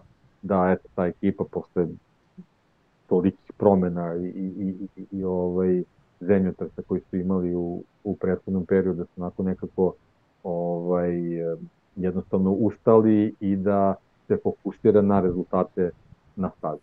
E sad, bitna stvar je naravno da vozači budu zdravi, naravno se ovaj, nije ni počela sezona, već imamo te poteškoće, ako, ako, ako se taj preduslov ispuni, to nadam se da će, kažem, barem sa te emocijne strane, da će Davide Brivio da nam donese da, da Trackhouse Racing bude onako malo, malo ovaj, ozbiljni faktor ovaj, što se tiče ovaj, trku 2024. i ja ću jednog vozača sigurno da stavim u fantazije. Opa, teške reči. Dobro, dobro. Dobro, vidi, ali Davide Brivio zna šta radi. I ono što je meni zanimljivo, ovo je drugi put da će sarađivati sa italijanskom fabrikom samo je s japanskim imao uspeha, koliko god to zvučalo teže. Tim ti je evropski, ovde ti je, ovde, da se može u Americi, ali okej. Dakle, tamo ti je, a još dalje ti je Japan kada je radio s Ducatijem, nije mu baš to uspelo. Znam da su druga vremena, deki, ali čisto eto da konstatujem da ima više uspeha s Japancima nego s Italijanima, iako je čovjek Italijan. Ali dobro. E da, inače, samo da, da, da napomenemo da je Livio Sup otišao u Moto2 kategoriju, u Ital Trans, tako da neki stari vukovi dalje plivaju, to jest ne plivaju tu, šetaju se kroz šumu zvanu Moto Grand Prix, Moto 2, Moto 3. Su konačno shvatili šta im treba. A, to je, mislim da... Da, da, da. Nema ko da ih organizuje. Znaš, ko je, znaš koga ima pitanje da li je shvatio? Honda. Znaš, ti pustiš Davida Brivija da ode tek tako sa tržišta, i držiš se čoveka koji, pa ne mogu baš reći da je imao uspehe, konkretno mislim na Alberta Puđa, jer ti kada pogledaš... Vratno može podvesti po to, imamo preča pot. ok, to važi, da dok ne bude kasno kad shvate da im to treba, ali dobro. Ja, inače, Honda.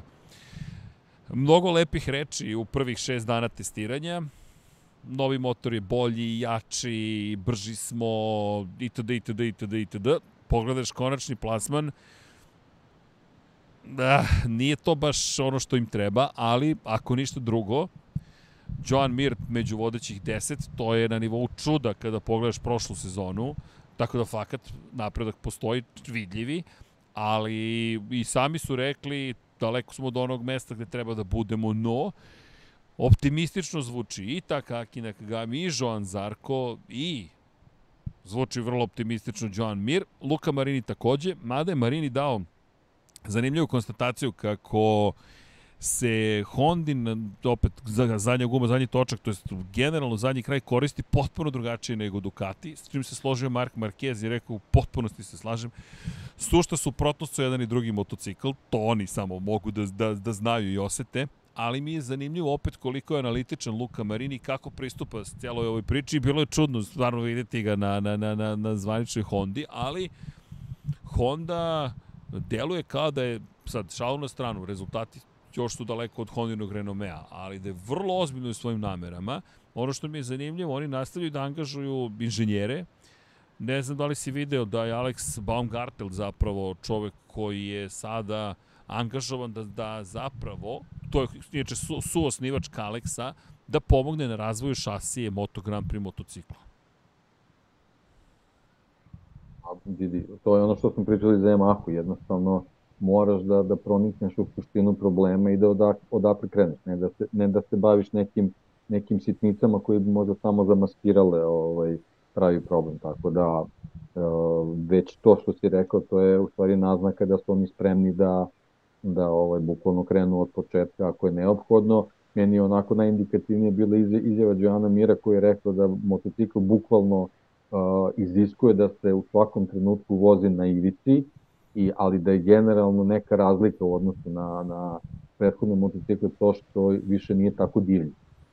Jednostavno, mnogo je, mnogo je upravljiviji i generalno ti dozvoljava da u određenim situacijama možeš da pretpostaviš šta će se desiti. To bukvalno do prošle sezone nije, nije bio slučaj sa Hondom, tako da ja nadam se da će, da će taj detalj, ne znam da li da će to biti nešto će biti ovaj, konstantno prisutno, da li je to možda samo vezano za, za neku specifikaciju koja je bila na, na ovom testiranju, ali generalno ako se bude tako desilo, to će možda dovesti do toga da vozači budu malo da se malo više ohrabre i da, da ovaj, zaista probaju da, da pronađu te limite na osnovu kojih će stvari moći da se, da se proceni kako koji segment motocikla ovaj, funkcioniše i gde možda gde možda nešto zostaje za određenim stvarima, bilo da je reč o, o, o samoj šasti, elektronici, aerodinamici, e, agregatu, ogibljenju, mislim, zaista, mnogo je, mnogo elemenata koji generalno nisu dobro funkcionisali kod, kod, kod, kod Honda, ali, ali kažem, ako, ako sad postoji situacija da vozači mogu zaista na, na limitu da, da isprobaju taj motocikl, možda se desi da u nekom kraćem periodu stvarno do, dođu do toga da, da shvati šta je suština problema. E, kada pogledaš, ovo su tu su korenite promene u pristupu.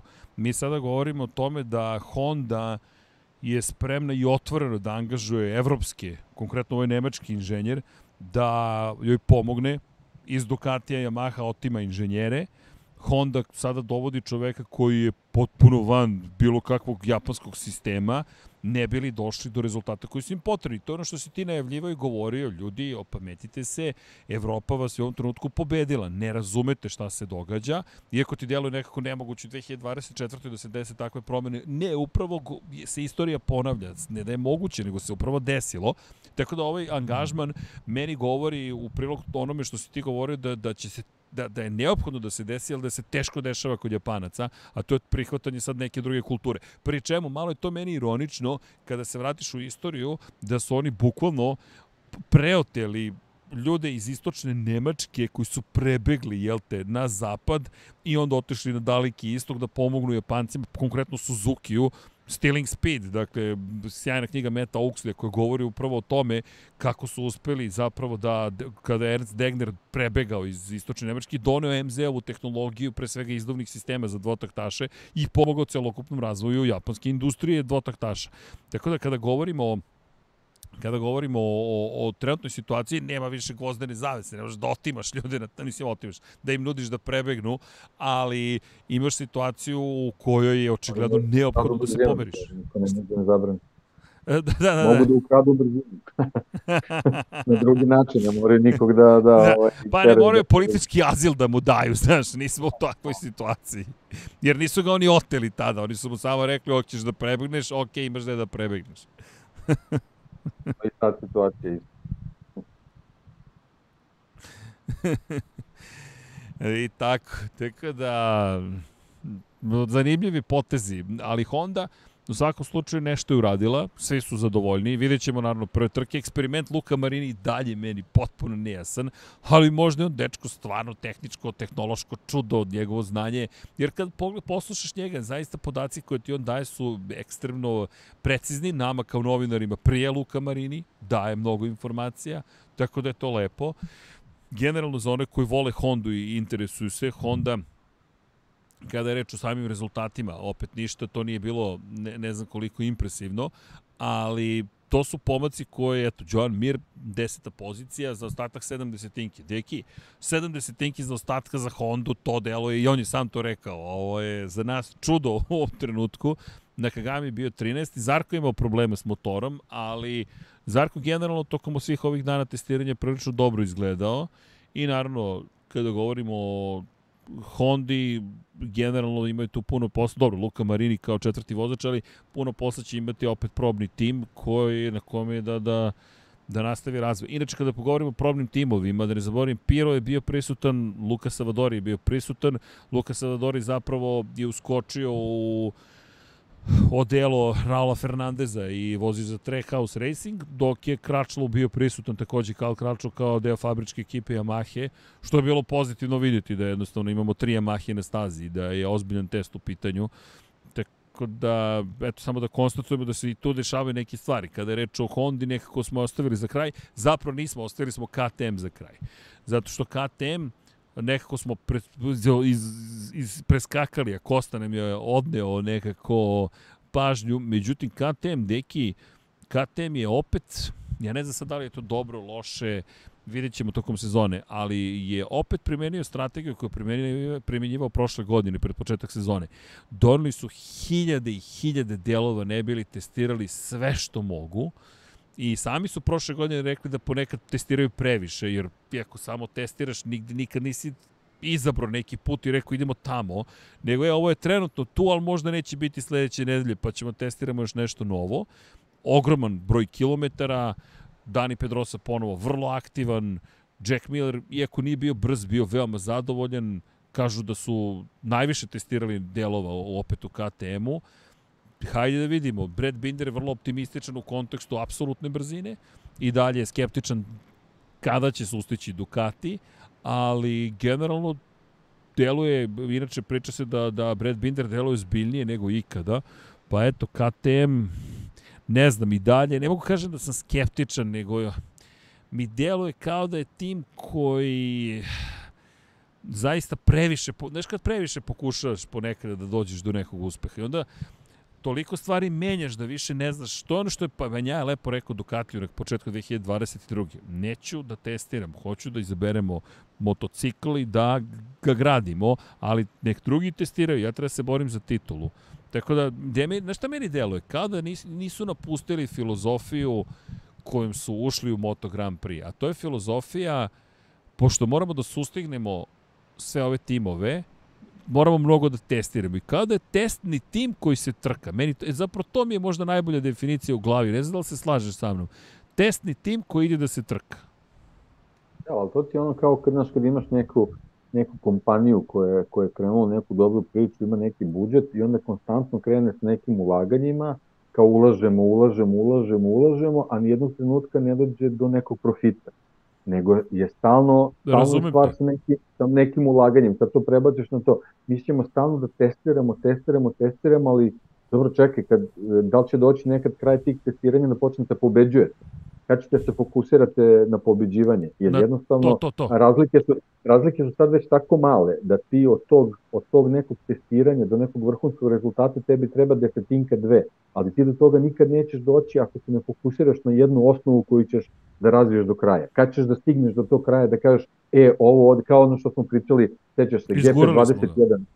GP21, on, on je završio, znači taj, taj motocikl je bio vrhunski ultimativni motocikl i i taj motocikl je tako bio kakav je bio sve posle neka njegova evolucija, neka nadogradnja, ali niko posle toga, to je i Peko Banjaje preseku kad, kad su krenuli ponovo s tom pričom, nemoj da donosiš kamion delova, daj samo onu dobru osnovu koju imamo, da nju probamo da, da nadogradimo. Nemoj da krećemo sa tri osnove, da više na kraju ne znamo gde stižemo, kao što je Yamaha pre, pre dve sezone, sećaš se u Mizanu kad su došli na onim na one, na one jesenje, jesenje testiranja, kad više nisu znali koliko su izduvnih sistema doneli, kako su gibljenje doneli, koji su RAM doneli, na kraju više nisu znali šta, šta funkcioniše, šta ne funkcioniše, a kao da su stvari sve to radili da bi sebe smirili tako što su rekli, evo vidite kako smo mi puno radili, vidite koliko delova ima u ovom šleperu.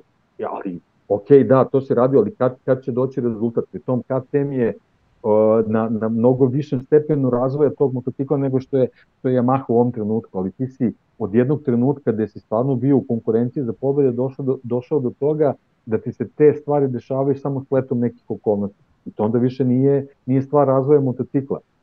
I, i generalno je, je to point, ajde, hajde da prestanemo više sa ulaganjima, daj da probamo nešto da zaradimo.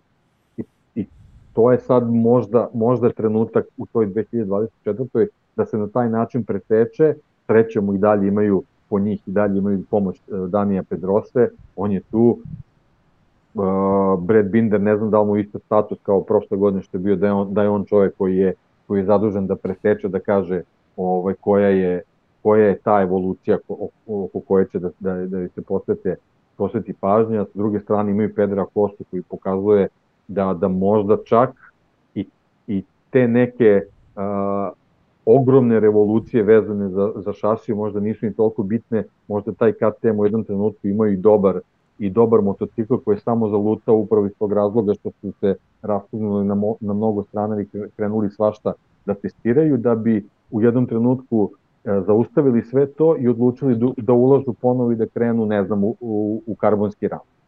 E, očigledno je da sad mogu da se oslone čak i na neke vozače na koje, koje možda ranije nisu imali, na kraju krajeva imaju tog Augusta Fernandeza i on je tu koji čovjek prošle godine pokazao da zaista može konstantan da bude trebaju da imaju tog Jacka Millera koji, što se nas tiče, nije, nije pokazao rezultate, ali oni ja vidimo, oni su zaista zadovoljni šta je uradio i šta im je doneo prošle sezone, pre svega vezano za svoje iskustvo. Znači, generalno, raspolažeš sa, sa četiri vozača koji su potpuno različiti profili, a za sve znamo da su, da su generalno brzi, samo je bitno da vidimo ko će kad šta da otključa, kad će iskustvo da, da, da proradi ili kad će mladost i talent da proradi. Ali generalno mora, moraš da im pružiš na kraju krajeva mašinu da bi oni mogli da pokažu ovaj Pazi, Pazi pristup Marka Markeza kada je reč o Ducatiju. To nismo spomenuli. To zaista je miš, moje mišljenje, velik zapravo pokazatelj na to kako se priprema za sezonu i, i vrlo jasan indikator e, da je ovo za njega proces. Zašto njega spomenjem? Zato što je on meni makar dobar primer toga kako raditi na promeni. E, rekao je da on koristi standardno podešavanje motocikla koji koriste svi Ducatijevi vozači da uopšte ne želi da stvara novo podešavanje motocikla koje je isključivo odgovara njemu ili će u nekom trenutku da bude bolje ili bi možda čak bilo bolje odmah na početku. Ne želi da izgubi put napretka. Oslanja se sada na ono što je već standard. I kako to objašnjava? Rekao je, prvog dana nisam bio toliko dobar, drugog dana sam već bio bolji. Njegov zaključak je, ja bolje razumem sada motocikl, a ne nešto sam uradio, pa se motocikl poboljšao, to je vremena su bolja. Ne, ja sam prilagodio stil vožnje onome što ovaj motocikl traži. I sad, gde nalazim poređenje sa velikanima u Formuli 1, između ostalog Michael Schumacher, spomenuću i Maxa Verstappena. Max, iako svi kažu, pa dominantan je bolid, pa Sergio Perez pokazuje da nije dominantan baš samo bolid. I u čemu je velika tajna?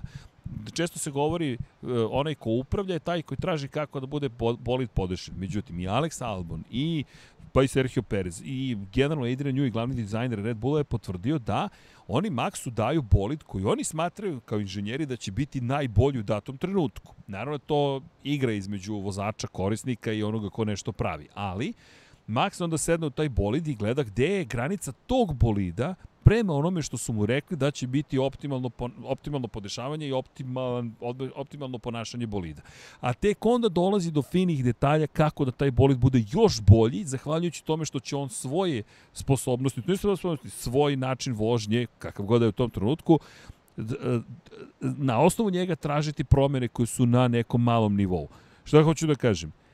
Kod KTM-a, u sve ove promene, da li ti imaš osnovu od koje ti krećeš? Jer Jack Miller kaže, mi kada promenimo aerodinamiku, to su, igramo se sa, igramo se sa, sa vazduhom, otprilike, i rekao, to su male promene, izgledaju možda radikalno, su male promene. Međutim, aerodinamika je toliko, ne samo kompleksna, već toliko je snažan uticaj aerodinamike, da mi govorimo o tome da ona utiče na ponašanje celokopnog motocikla. To je Miller objašnjavao. I sad, ta dva pristupa mislim da su e, lep pokazatelj kako ideš u jednom smeru, ono, donesi 100.000 delovica, napadni sa svih strana, i drugi, činjenica u zreliju ekipu je došao Marquez, e, ovo radi, ajde da ja vidim šta ja treba da uradim da bi to radilo kao kod drugih. Pa tek onda ćemo da vidimo šta ja pride mogu da uradim s tim motociklom. Mislim da je njegov pristup ekstremno zreo. Jedna mala razlika. Da. Mark Marquez dobija GP23 koji je gotov motocikl, a ti kad si u fabričkoj ekipi ti jednostavno imaš, imaš potrebu da, da konstantno uh, razviješ motocikl. Na kraju krajeva tako je nastao GP24. Znači, Dobro. Su rekli, evo super, imamo šampionski motocikl, ostajemo s njim Ali... u sledeću sezonu u verziji GP23B. Ne, Ali... to je GP24. Ovaj, ali, ali je poenta što je očigledno po, stvar u, u, u, u ovaj, načinu kako se stvari razvijaju. Meni, meni su u jednom trenutku, sećaš se kako je KTM pred 3-4 sezone delovalo, da, da su bukvalno krenuli uzlaznom putanjom razvijajući neki određeni koncept ovaj, motocikla koji je trebao da stigne svoj zenit i onda se od, odjednom nešto, nešto se desilo, nešto se rasprslo. I onda su krenuli u nekoliko smerova, pretpostavljam, ili, ili šta god, i onda se desilo da, da nemaju nemaju motocikl za koji možda se kaže, e, ovo je najsavršenija verzija koju smo dobili u nekom kratkoročnom periodu razvoja, sad, sad gledamo šta možemo radikalnije da promenimo na njemu. Ja, ja sam, eto, meni je nekako taj, ja ni za jednu verziju KTM ovog motocikla ne mogu da kažem, e, ovo je motocikl iz kojeg je izvučen maksimum vezan za određeni period razvoja. Ali, deki, ajmo ovako. Kako je Ducati reagovao kada je Banjaje rekao ja sam fabrički vozač, ja ne treba da testiram. Joan Zarko je dobio zadatak. Kako je Honda razvijala Hondu, pazi, i to isto treba raditi jednom analizu. Kada je Honda ozbiljno počela da gubi? Svakako gubitkom Danije Pedrose, ali gubitkom Kala Kračlova. Kal Kračlov, kada je, i, pazi, njima se poklopilo, savršeno luje se desilo u Hondi. Mark Marquez se povredio, Kal Kračlov otišao u penziju.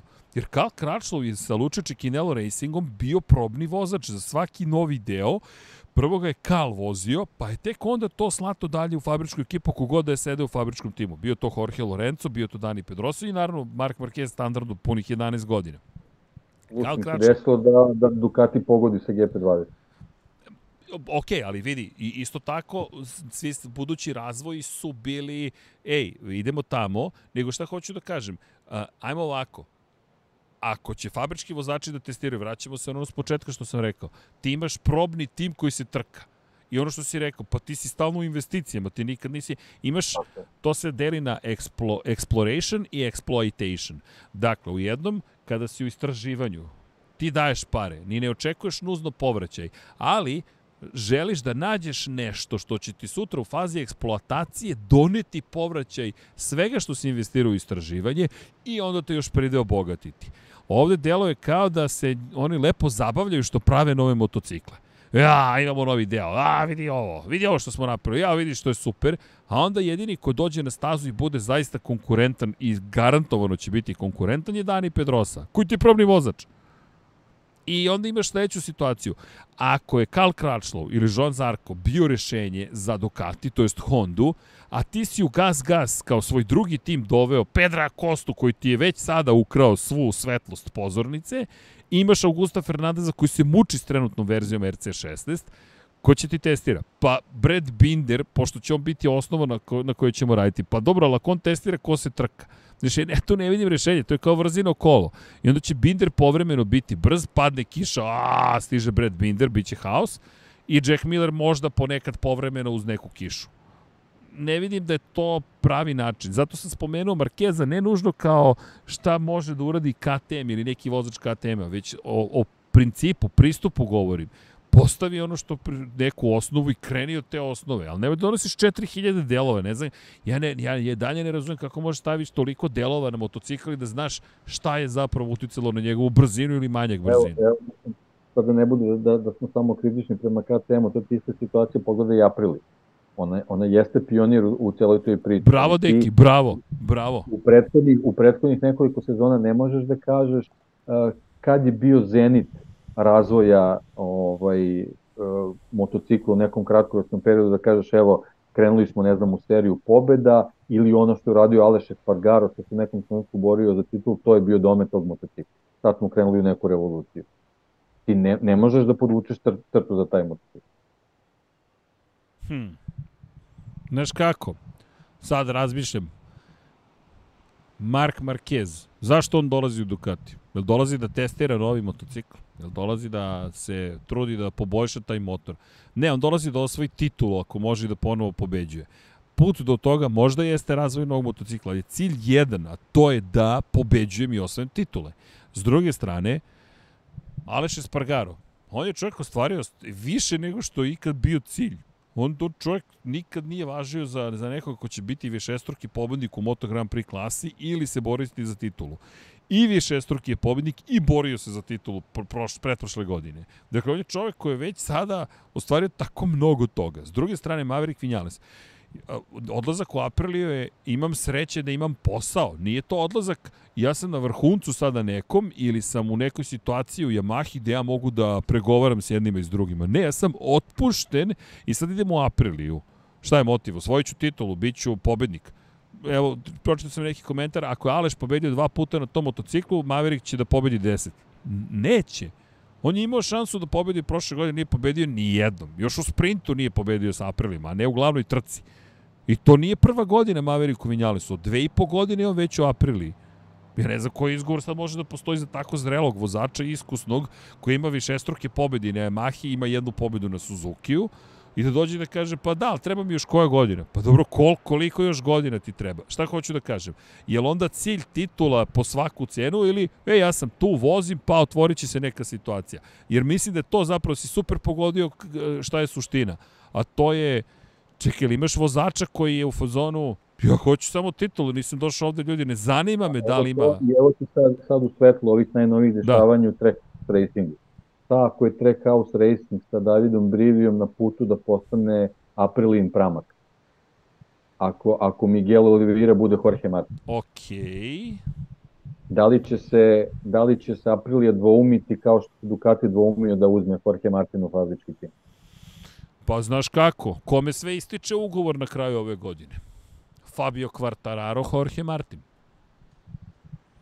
Ne, ne, pričam za aprilu, znači Aleš Espargaro, Maverick Vinales, u slučaju da Miguel Oliveira bude bude konkurentan na, na aprilinijom pramaku. Ok, a znači idemo samo na Oliveiru. Dobro, dobro, dobro. Samo, samo njega, znači, pošto da kažemo, on ima identičan motocikl kao što imaju Maverick i, i Aleš. Dobro. Da kažemo da je, da je identičan. I sad dobiješ neku organizacijnu strukturu u trackout racingu, mnogo ekipa bi trebala mnogo ozbiljnije da postane, a ti imaš u fabričkom timu dvojicu vozača za koje ti kažeš da su prešle, nek, prešle neke svoje zenite u smislu ambicije šta se mogu da uradi. A s druge strane imaš Miguel Oliveira, čovjek je petostruki pobednik Moto Grand Prix, tako? Dobro. I može da se desi da dobije, da dobije situaciju da njegov motocikl bude kvalitetniji od fabričke ekipe. Da li će fabrička ekipa da se ustručava da sledeće sezone Miguel Oliviru prebaci u svoje redove? Da li je to dovoljan motiv za njih dvojicu? Stvari, da što, čak i ne moramo da kažem, eto naveo. Da li je to dovoljan motiv za Mavericka Vinjales da uradi nešto više? Šta treba da bude, šta treba da bude njegov motiv? Ja, okej. Okay. Dobro, da vidi. Ne, znaš kako, da li ti treba već, mislim, ja ne znam, ja, ja nikad to neću razumeti, da li ti treba veći motiv ako si ti već fabrički vozač neke ekipe od toga da ti se, kažeš, imamo jedan cilj ljudi, to je da osvojimo titulu. Ne znam koji drugi cilj možeš da sebi zacrtaš. Da imam platu i radim ono što volim. Ok, to je legitiman je cilj. Potrebno, ali... potrebno si, kad si više struki pobednik. Jednostavno ideš na, na sledeći nivo. To ti je kao, kao Ducati. Ti u, u, uradili su nešto što nikad u istoriji nisu uradili, sad su dvostruki šampioni. Šta je sledeći korak? Sledeći korak je da u kontinuitetu imaš 1-2 na podiju. Ok. Da, da, neko, da neko od tih 1-2 ponovo bude šampion na kraju godine. Dobro, razumem te. Sad idemo ka Red Bullu, zapravo pro, ove go, prošle godine. Nije dovoljno da se osvoji titula, već je sada bitno da oba vozača budu najbolji na svetu. Pa, evo reci mi ti konkretno, na primjer sad ako je, ako je bio neki sastanak u ovaj, e, fabričkoj ekipi Ducatije, šta je cilj za ovu godinu? Samo odbraniti titulu, pa to su već radili. Ne, moraš neki novi cilj da postaviš okay, da bi... Da bi jedan, moraš da se pomeriš dalje. Da bi, pa moraš da se pomeriš dalje da, da, da, da bi ekipa pronalazila motivaciju šta da radi dalje. U slučaju, o, ako, ako to ne uradiš, doći će ti, tako se, se rasuti ekipa, kao što se desilo Mercedes u Formuli 1. Znači svake godine imaš neke nove izazove, imaš, imaš, imaš i došli ste do toga da je, da je poslednji izazov bio da Lewis Hamilton postane ubedljivo naj, naj, ovaj, najuspešniji vozač svih vremena, nisu uspeli iz raznoraznih razloga u tome. Dobro, ali su postavili to sebi kao cilj. Tako je, pa verovatno su svake godine morali nešto da postave da bi, da bi to uradili. Sad Ducati dolazi u tu situaciju. Pa, znači neka, neka neka hipoteza da, da će Ducati sada bude dinastija u Moto, Moto Grand Prix-u. Kako ta ekipa sebe može da drži na, na tom nivou da u sledećih 5-6 godina nastavi da osvaja titul? Moraš da postaviš neke nove ciljeve, ne možeš da, da, da, da to postaviš da samo neke iste stvari Znam, ali, ali, ali vidi, Ducati može da postavlja nove ciljeve kad ih je ostvari, ostali nisu ostvarili svoje ciljeve. Znaš, to, to je poseban problem. Jel Aprilia ostvarila svoj cilj prošle godine? To, upravo to, to, sam, to sam malo preko, da, da, da, šta se desilo, to je, je se desio neki, neki zenit, neki pik nečega, je se nešto radilo. Ali to je ista stvar, počeli su s njima, to je ista stvar i sa KTM. Da, inače, evo, da izvinjam se, pogrešno sam citirao, kaže um, Mođela Rabijata, ako dve pobede ostvari Aleš na Aprili, Marquez može deset. To mi već zvuči logičnije. Maverick mi ne zvuči logično. Izvinjam se, ja sam pogrešno pročitao. Ali šta hoću da kažem, ja, ja teram na vodenicu vozača. Ja mislim da Aprilia mora da promeni vozačku postavu. Ne mora da menja Aleša. Aleš, on ti je već robni ono, ambasador robne marke. Ali mislim da ti treba šampion. Mislim da ti treba neko ko će da kaže došao sam da se borim za titulu i, jer vidi, šta je nedostajalo Ferrariju pre nego što je stigao Schumacher? Ja sam došao da se borim za titulu. Da, došao sam da naplatim moj rad. Podrazumeva se da ću biti najplaćeniji vozač. Podrazumeva se da će mi da dati sve što tražim. Ali ne da bih ja otišao kući kao bogat čovek, nego da bih osvojio titulu. I mislim da je to bio motiv i Fernanda Alonsa i Sebastijana Fetela. Fetel nije zadovoljan napustio Ferrari. Rekao, u, baš me briga, uzao sam pare i treći sam najuspešniji po broju pobeda. Ne, ja sam došao ovde da osvojim titulu. Ko je došao Aprili da osvoji titul? Maverick je došao da spasi posao, da ima posao uopšte. I ja ne vidim promenu u njegovoj filozofiji. Ja ga volim. To, to... Oni, oni u Aprili, ni Aleš, ni Maverick, nisu napravili motocikl koji je osnova da se da to osvoje titul. Jel, evo pogledaj, na primjer, ajde Ferrari. Evo, znači, Niki Lauda. Niki Lauda i Mauro Forgieri su napravili 312T. Čuveni. Koji je poslao verziju T2, T3.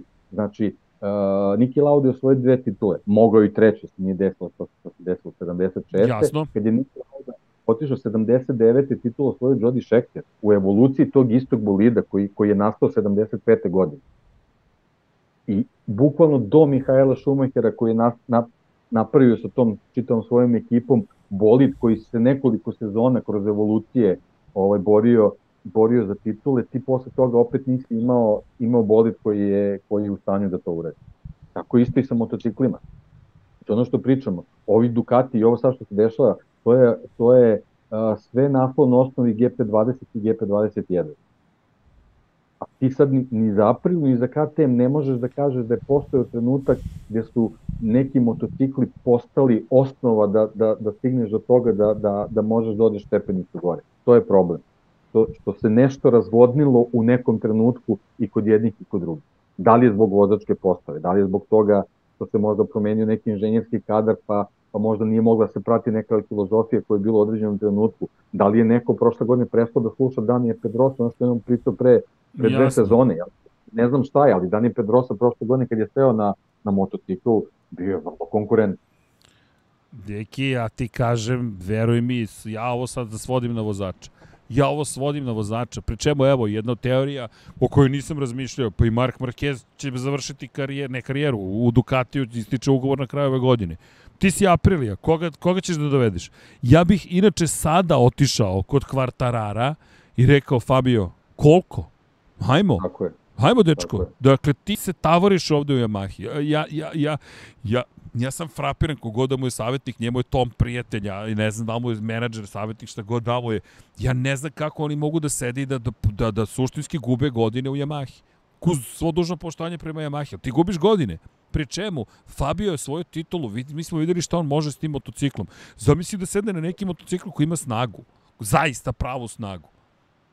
Inače, KTM, kada pričamo o snazi, da ne zaboravimo i taj te detalje, oni su rekli da oni dalje rade na tome da imaju veći obrtni moment pri nižim brojevima obrtaja i snaga im još nedostaje na srednjim brojevima obrtaja. Ali ok, to je konstantni napredak, konstantna potreba da se napreduje. Suštinski ja ni tu ne vidim lidera koji je došao da osvoji titul. Ja stvarno volim, Brad Binder je super, sa njim pričati sjajno, sve je sjajno ali jel imaš tu oštrinu koja ti je potrebna za titulu? Zato gledamo ka Pedro Kosti koji je klinac još uvek, nema iskustva, ti si ga stavio gas gas. Ako ga ne staviš u KTM sledeće godine, ode, što ne bi Aprilia sad otišla kod, kod Pedra Kosti i rekla, Pedro, mi, evo ti petogodišnji ugovor, bude projekat, ali jer ja ne vidim da će Pedro otići i reći, ej, take the money, uzao sam lovo i pet godina, ma lagano, ako bude nek, nešto biće. Ne, meni on deluje kao čovjek koji želi titul. Ako to, ako to neće da urade, ja bih sve karte dao na Raula Fernandez. Pa a, imaš, imaš jednog mladog čoveka u svojim redovima konačno. Konačno imaš, ali meni stvarno deluje neverovatno ili je sposobnost svih menadžera u Moto Grand Prix tolika ili nešto stvarno ti ja dobro ne razumemo, ali mi, ja stvarno... Ono, ono što se ponavljamo, stalno, stalno se vrtimo u krug. Tek sad ulaze u svet Formula 1. Da, tek sad ulaze u svet Formula 1. Bravo, deki. A zapravo mi smo toliko dugo u jednom i u drugom da mi zaboravljamo koliko je zapravo teško, jer evo, ovo, ovaj primjer, da naše kolege zapravo ne znaju o čemu se radi, bukvalno ne znaju o čemu se radi kada se pojave pitocevi, kada se pojave neke stvari koje su u Formuli 1 otprilike ne možeš ni da gledaš ako to, ako to ne, nije da ne možeš da gledaš, salim se, ali gledaš testiranje i ne, ne znaš šta se sve tu došlo. Ja čekam flow iz boju, evo sad, ovog trenutka ja ti kažem, deki, samo je pitanje trenutka kada će neko da nabaci flow iz boju. Jer, i to je jedan od komentara, aha, kaži. Ne moraš dalje da ideš, ne moraš dalje da ideš, evo, nosiš tu majicu, pa mi je palo napred. Dobro. Taj, taj čovjek je bio jedina Formula 1 u Moto Grand Prix. Čekaj, čekaj, čekaj. Da, bravo, bravo, bravo, shvatio sam rečenicu. Da, Valentino Rossi ti jedini zapravo imao taj moment Formula 1 u Moto Grand Prix. On je shvatao u stvari kako to funkcioniše, tako je. Tako je. Da, on je... Svi, svi njegovi prelasti su bili vezani za, za to i vrlo dobro je znao zašto nešto radi, e, menadžerski tim je znao zašto se nešto radi, svaki njegov prelazak je znao zašto se, zašto se dešava, jeste Ducati bio sad kad se, kad se gleda istorijski ovaj, a, a, možda iskriten potez koji mu možda oduzeo neke titule u nekim drugim ekipama i tako dalje tako dalje, a da li bi to, ti u tom trenutku mogu da kažeš da je to loš potez? Pa vidi, to je potez koji, rekao bih, moraš da napraviš u nekom trenutku u karijeri. Da li, da li je Ducati u tom trenutku napravio loš potez? Pa nije. Tebi odlazi Casey Stoller. Ali, ali to je taj presek koji sada Aprilia treba da uradi ako, ako hoće nešto napraviti priđi Fabio Quartararo i kaže sledeće godine ti pravimo tim Fabio Quartararo, Raul Fernandez. Bu, bukvalno. I to je to. Jer vidi, ja sa Fabijom Kvartararom ne rad... Ja mislim da i tu Yamaha greši, da ona nije svesna kakvog vozača ima, iskreno. I, i mislim... Ja mislim da, mislim da Moto Grand Prix nije svesna kakvog vozača ima. To je moguće. Moram. I potencijalno veliku zvezdu zapravo, jer on ima sve što je potrebno da budeš zvezda. I sad zamisli duele Fabio Quartararo, Pedro Acosta kao neka nova generacija, Mark Marquez je tu u cijeloj igri, Francesco Banja juri treću titulu, Enea Bastianini je ponovo raspoložen, zver se budi lagano, ali sigurno. Jorge Martin je ljut. On se puši od besa. On čovjek I samo mora taj bes da iskontroliše dovoljno. Dakle, ne previše, samo dovoljno da to ne budu padovi. To će biti haos kompletno. Pričemu Alex Marquez, čovjek ima dve titule, jednom se i on razgoro padio u celoj priči. Beceki, sumnjam ja da će on sedeti skrštenih ruku i da gleda kako mu diđa je bolji u njegovim žutim bojama. To nema teorije da se dogodi. I to nisu svađe, to je dostojno inspiracija, to je tvoj tim. I dolazi sad neki tamo koji nije deo akademije i brži od tebe. Nema teorije. Jack Miller, nemam pojma, nadam se da će se probuditi, jer ako nije svestan da je Costa stigao, ne znam kada će biti svestan, ali okej. S druge strane imaš Breda Bindera koji brz, ali taman, posljednja titula 2016. Idemo, 8 godina je prošlo od onda. Znaš, to su baš lovoriki sada već.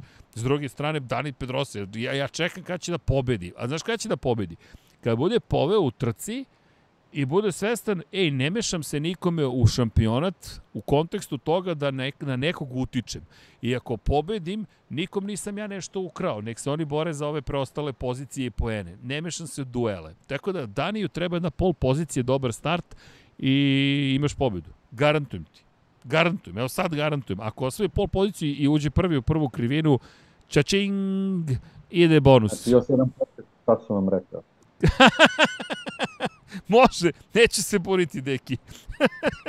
neće se boriti, mada neće baš biti na nivou Hamiltonu Ferrariju, ali Hamiltonu Ferrariju, meni dalje to, iako smo pričali o tome i neću da kažem, znao sam da se desi, ali znao sam da će se desiti. Ali Hamiltonu Ferrariju i dalje mi zvuči kao da, ne znam, u sedam dana na glavačke se okrenula Formula. Kako?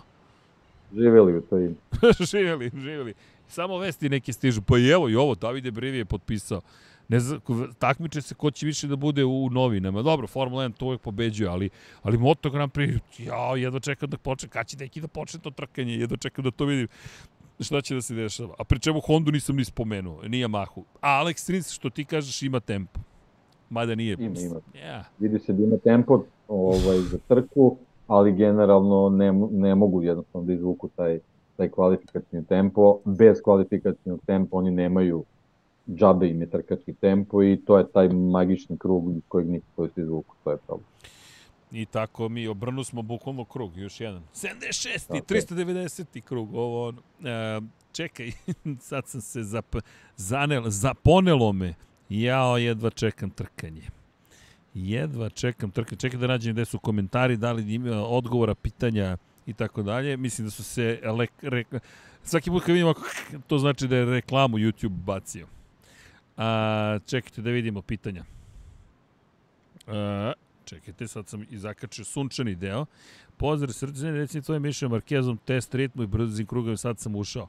A, pričali smo o tome, ali nismo mnogo analizirali a, detaljnije ono što smo videli i što i sam rekao, tempo za trku postoji, ali kada reč o pojedinačnom krugu, još nije na onom nivou koji bi želeo. Ali, ali, ljudi, Ja bih samo se osvrnuo na to da je Mark Marquez opet bio među vodećima. Dakle, mi govorimo sada o tome da zapravo u cijeloj ovoj priči je Mark Marquez šesti na kraju poslednjih dana bio. Šta, to je loše?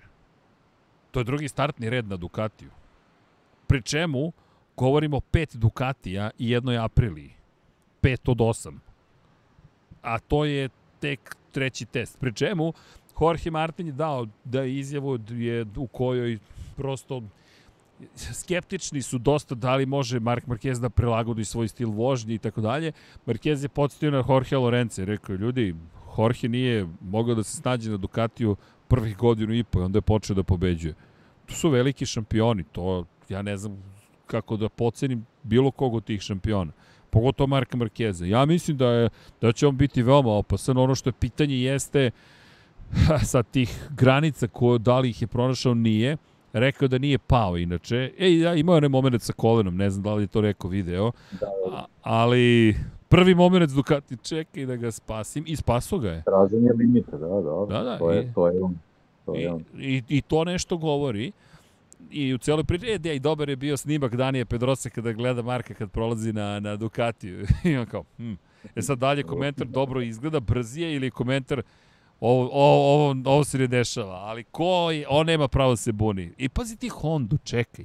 Repsol Honda, u jednom trenutku imaš Marka Markeza i Danija Pedrosu i ti dozvoliš da Dani postane test vozač KTM-a, a Mark Marquez da ti ode u privatni Ducati. I to se sve dešava tokom ere Alberta Puća. Da, da. I on ne dobije otkaz. Dobro. Dobar posao. Dobar posao. ja bih mu rekao, vidi. vidi, ja bih mu rekao, prijatelju, znaš kako, otišao i Jorge kod tebe, s tim, no, ja, zna, ne znam, ne znam. Ali u svakom slučaju, ja mislim da će Marquez standardno biti opasan, ne bih ja to, ne vidim neku, nešto da se tu desilo što je neočekivano. Meni je malo suviše sistematičan za ono što sam očekivao. Očekivao sam da će biti manje sistematičan. Ne znam da li to je sad dobro ili loše ali mi deluje kao čovek koji, koji ne želi da se, da se samo zaleti u nešto, kao da, kao da su povrede učinili svoje. Da, a, da vidim šta je Leclerc ljut Srki što je Hamilton došao u Ferrari. Čekaj, čekaj, to ćemo u ponedeljak. Martin je Kosta u fabričkom KTM-u. Pa ljudi, koga god, da, ali, ali KTM je potpisao ugovor sa, sa Bredom Binderom do kraja 2026.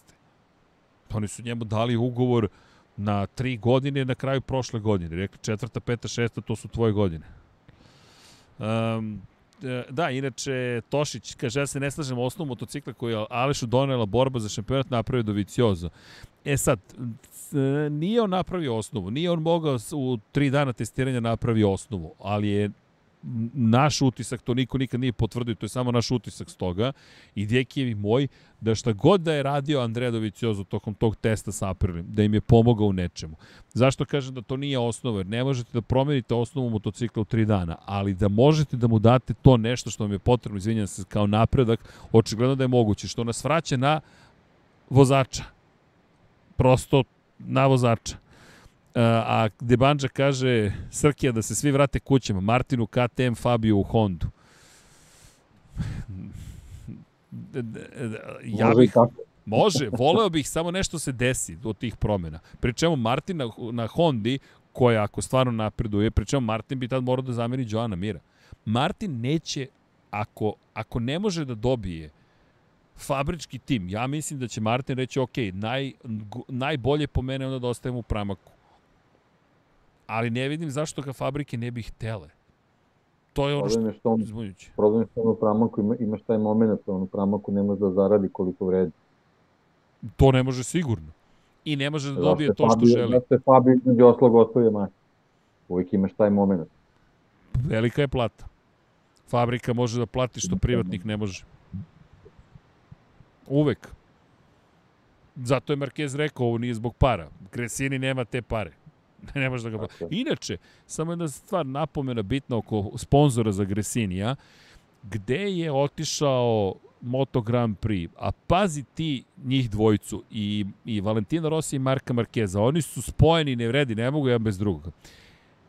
Mark Marquez je u ekipi koja ima velikog sponzora koji dolazi jel te, iz, iz Azije koji, koji je veoma popularan zapravo u Indoneziji. Zapravo Indonezija je jedna od važnijih tržišta. Onda gledaš Pertaminu koja spozoriše Valentina Rosija Indonezija jedna od najvećih prezentacija koju Gresini imao je bila u Indoneziji. I mi kada pričamo o Indoneziji, mi zaboravljamo, ja sad ću da vidim kog datuma je bilo, ako mogu da nađem. E, ne mogu da nađem, ali, ali ono što je poenta jeste zapravo, kada govorimo o sponsorima, kada govorimo o, o tome ko odakle dolazi. Ljudi, Federal Oil, Beki, mi opet pričamo o Indoneziji. Dakle, PTT je, nije pošta, telegraf, telefon, već je isto i naftna industrija sa Tajlanda, ali Federal Oil je indonežanski gigant zapravo. Pertamina takođe. Mi govorimo o tome da je Indonezija sada tržište koje je veoma važno. I šta je zamoljen Valentino Rossi tokom zvanične prezentacije da ode Indoneziju. Tako da Gresini će možda imati sponzore koji nama na prostorima Evrope nisu toliko poznati ili interesantni, ali na tržištu koji ima preko 100 miliona stanovnika, samo u, u Indoneziji, na, u arhipelagu, plus sve okolne zemlje, ne moraju, ja mislim da oni da brinu na sponzore, samo što to neće zvučati možda tako tako fra, fascinantno ili, ili, ili, da. ili intrigantno. Kako? Da, nije Shell sponzor. Pa to, da nije Shell, pa kao, o, Shell je. A sad, ko je veli veći i ko je tu zapravo bogatiji, to je druga priča. Ali činjenica je da, da, da zapravo oni ne moraju previše da brinu o, o, o, o svojoj sudbini. I to što je Enduro kao proizvod, robna marka iza ekipe VR46 isto je velika stvar. Zanimljivo. Da kažem, ve, veze postoje, čudesne. E, da, inače, da imamo pitanja. Pitanja, Srki pije Pepsi. Pa, to je sponsor ljudi. to je sponsor 99 yardi, ne, ne može da se pije ništa drugo. Ta, tako mora. E, Milan Božović pita oko kvartarara šta može da uradi ove sezone. Rano je, ali bojim se da, da nije mnogo drugačije nego prošle godine. Ovo što smo makar videli. Uh, inače, Tošić pita zašto ne dobijaju momci koji voze GP23 taj uređaj za start kada je Ducati to razvio jednom prošle sezone baš za taj GP23. Mala korekcija, korekcija razvio ga za svoje fabričke vozače i korisnike fabričkih motocikala. Ne specifično za taj model. Ili ti, zašto baš da date sve direktnim rivalima, čak i korisnicima Ducatija? Ne, da vidimo. Um, hoće li biti testiranje za Moto2 i Moto3 pre Katara? E, kada je reč o testiranjima, pa ja mislim da, da su oni, čekaj, za nije Jerez bio planiran? Samo sekund, molim vas. Vidiš, počeo sam da zapostavljam testove za Moto dvojke. Moto2 test inače, presto sam Moto2 da, da gledam to stoliko pažnje testove kao prethodnih godina, zato što se uvek isto desi. Neko izbije tamo na čelo, bude sve fenomenalno, jao, desit će se ne znam nija šta, i onda doćete u situaciju da to nema veze sa životom. Ali, evo ovako, privatni Moto3 test i privatni Moto2 test. 22. 23. Portimao, Moto trojke, 24. 5. 25. Moto2 test, privatni Portimao. Zvanični test u Herezu, da, eto Herez, 28. februar, 29. februar i 1. mart. I to vam je to. Dakle, to je to za Moto trojke i Moto dvojke. Što se tiče Katara, 19. i 20 februara test za Moto Grand Prix kategoriju u Lusailu, gde ćemo imati prvu trku od 8. do 10. marta. Eto, to su zvanični datumi da ne zaboravimo i taj bitan moment.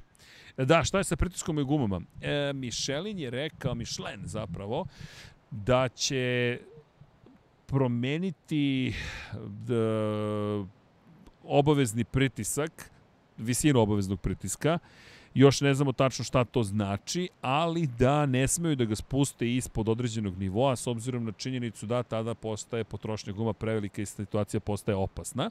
Ono što su rekli je da će u 2025. uvesti novu, novi tip gume, da će promeniti praktično i smešu kao i konstrukciju, ne bili doveli do toga zapravo da pritisak u gumama manje utiče na ponašanje pneumatika. Nadam se da će to da, da, da će uspeti u svemu tome, ali da, ne znam kako će to sve da izgleda. Mislim da ćemo tu imati zapravo prvu veliku dramu. Deki, šta ti misliš? Hoće biti prva drama kad neko bude diskvalifikovan od zvučnijih imena i onda će da krene haos? Pa ja mislim da da. To je, uvek je onako ovaj, bezbolnije kad se to dešava ekipi koja je u nekom u nekom ovaj, drugom redu, da tako kažem, ali kad se desi neka situacija gde se nekom je direktno ta diskvalifikacija da odlučuje o nekom plasmanu šampionatu, mislim da će tada krene da se dešava da se dešava velika bura. Isto tako mislim ova situacija što je bila prošle godine sa Jorge Martinom, Martinom i njegovom, njegovim pneumatikom. Ovaj, ovaj, meni nekako ta, ovaj, prvo, prvo što nismo i dalje dobili odgovor, stvari šta se, šta se konkretno desilo, onako baš. Zaboravljena baš guma.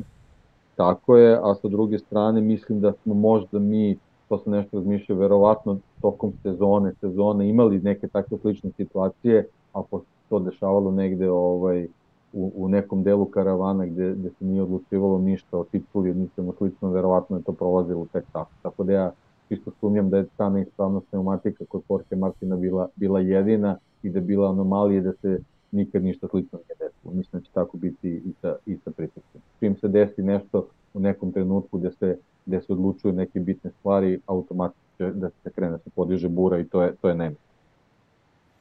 Da, jer mora, mora da bude zvučno ime, u suprotnom će moment biti... Eh. Ime i, i ozbiljna situacija. E, misliš da je, do, da je, da je potrebna i ozbiljna situacija? Da nije pa da... evo, ajmo ovako, ajmo ovako da se na drugoj trci sezone to desilo Jorge Martinu sa gumom, da li misliš da bi se digla tako? Upravo si, upravo si. Ali dobro, ni Jorge Martin tad još nije bio, ali te razumem, razumem šta hoćeš da kažeš, razumem. Dobro. Dobro, čekaj da vidimo još pitanja. E, ovo za gume, da, to tu malo da zaboravimo. E, da vidimo, gde je 29. februar? Između 28. i 1. marta. Srećen rođendan ove godine kada, kada bude 29. februar najzad orima. Prestupno godine, ljudi, osim ako se ne šalite, e, da znate. Kaže Debanđa Srki u F1 ugovori ništa ne znače. Pa ne znače ni u Moto Grand Prix. Evo, neko je napisao, KTM je to besmislio. Imaš ugovor, e, ali vidi, ima klauzula specijalna koja nam dozvolja zapravo i da ne radimo više zajedno. uvek ima neka ta klauzula. E, pričat ćemo o klauzulama mi u ponedeljak, pošto Hamilton izgleda ima klauzulu u ugovoru da ne sme da vodi ljude iz Mercedesa. Ali znaš kako će to da bude, deki? Nije ih on odveo, oni su sami hteli da idu. da.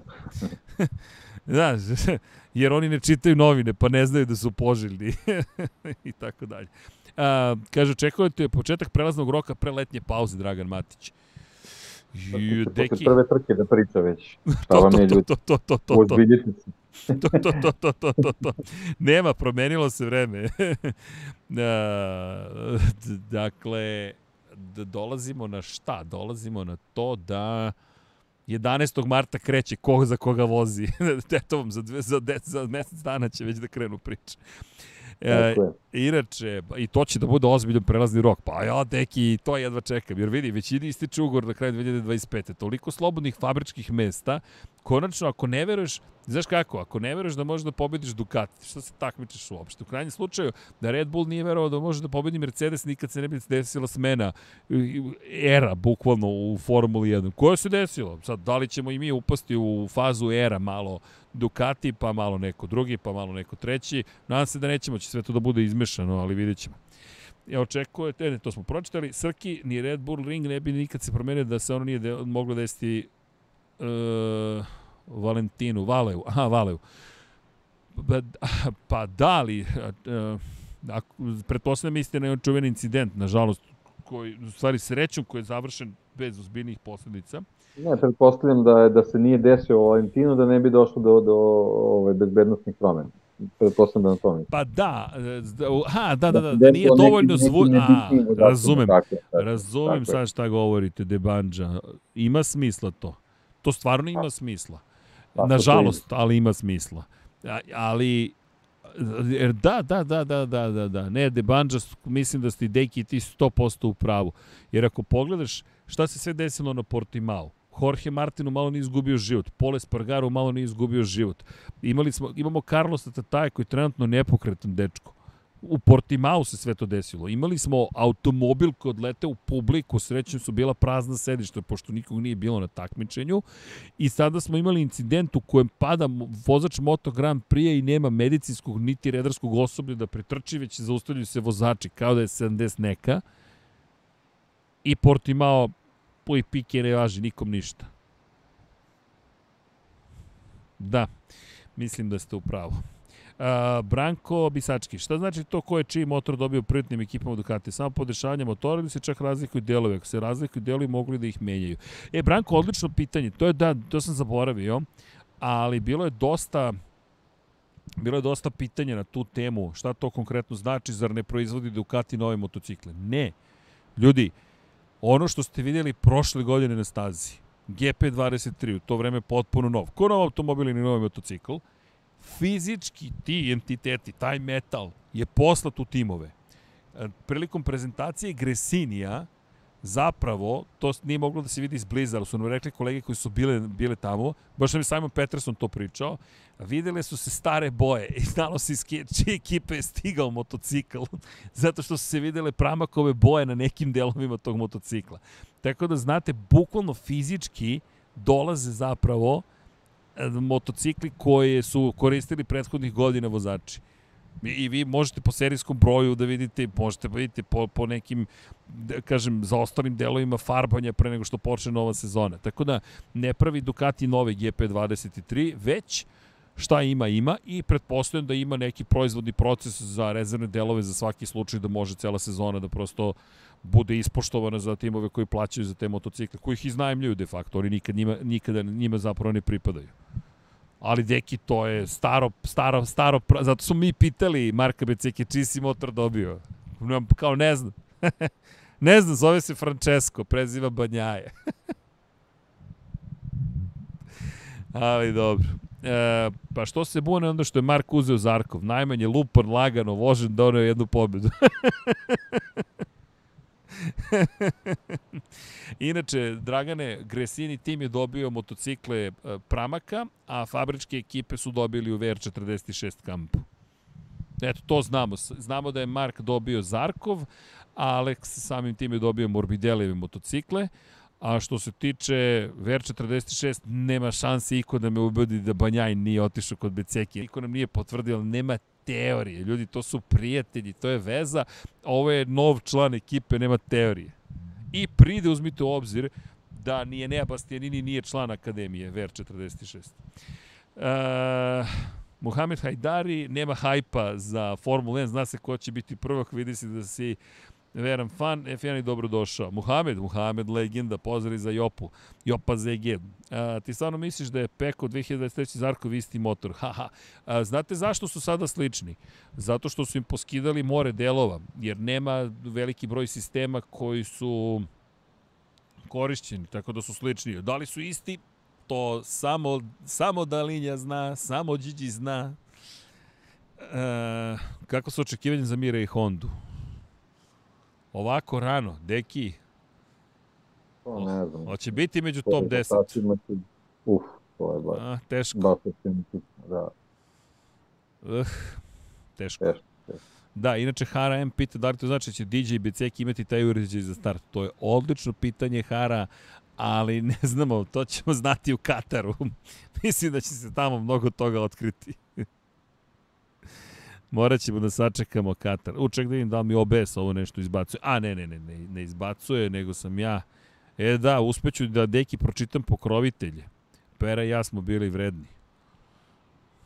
Tako da, tako da znate. Nadam se da ću uspeti da pročitam pokrovitelje, trebalo bi. E, za sad nismo loši, vidi, radi ovo. Serviramo iz Čilea i funkcionišu stvari. Još mikrofon za mene i super. Ne, mikrofon i slušalice, moraš da imaš slušalice, ne može ovako. Znaš, mora, mora... Znaš da su me prošle godine deca proživala, prozivala što sam došao bez svojih slušalica i mora da pozivim u Sofije. Rekao, dobro, deco, pamtiči ka srđa. Pamti, kao. Zabavljam se s decom, inače to je mnogo lepo. Imate pozdrav da svi od dece. Inače su stariji brat i sestra zabranili Lukasu da ulazi u kadar. ja mu nisam zabranio, oni su mu zabranili. Rekao su, ne može. Rekao, meni deco ne smeta. Ne može. Rekao, dobro, stariji brat i sestra kad kažu, deki to valjda tako funkcioniše, mora da se zna. I tako. A, da vidimo, a kako je tebi Srki na odmoru? E, meni je ljudi super, kada već pitate, hvala na pitanju. Družim se sa družim se sa decom, to je najlepše, malo naravno i sa, sa porodicom, Burazer Snajka, njena porodica i tako. Lepo je, ne znam što da vam kažem, osim da radimo i dalje, samo što je onako zabavnije nekako kada ste, jel te, u lepom vremenu. Ali da vam ne stavim na muku, neću da budem onaj grozni. A kako je tebi Srki, no da, to, onda Honda, moć, ona Honda moćno izgleda obećavajući. Izgleda moćno, sad samo da li je i brza. Um, Debanđa. Srki je možda treći karbon u ekipi Gas Gas za Kostu. Ne, čekamo, čekamo, čekamo da vidimo da li, šta će se dešati. To je ono što smo pričali.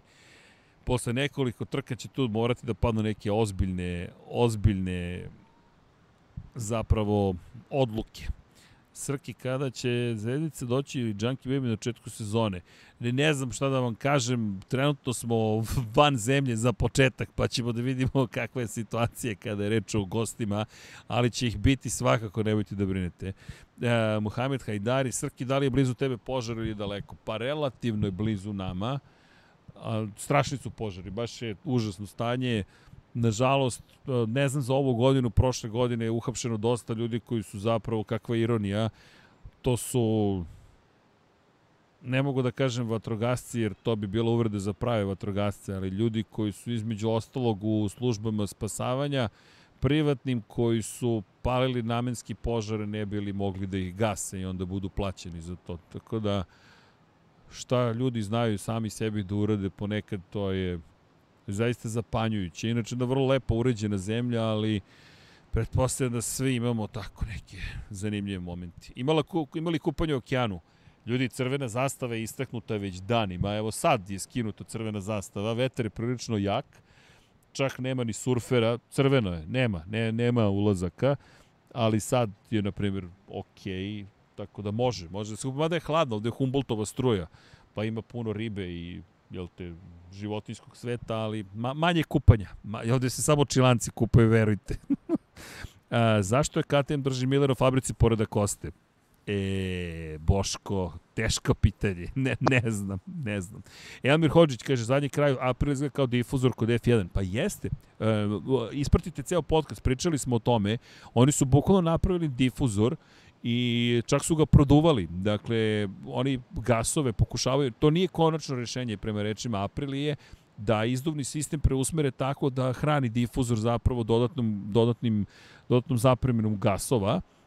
Jedino još ostaje taj hladno prodovani difuzor, deki sećaš se Renaulta, potpuno je nevratno šta je Renault sve radio i gde je sada.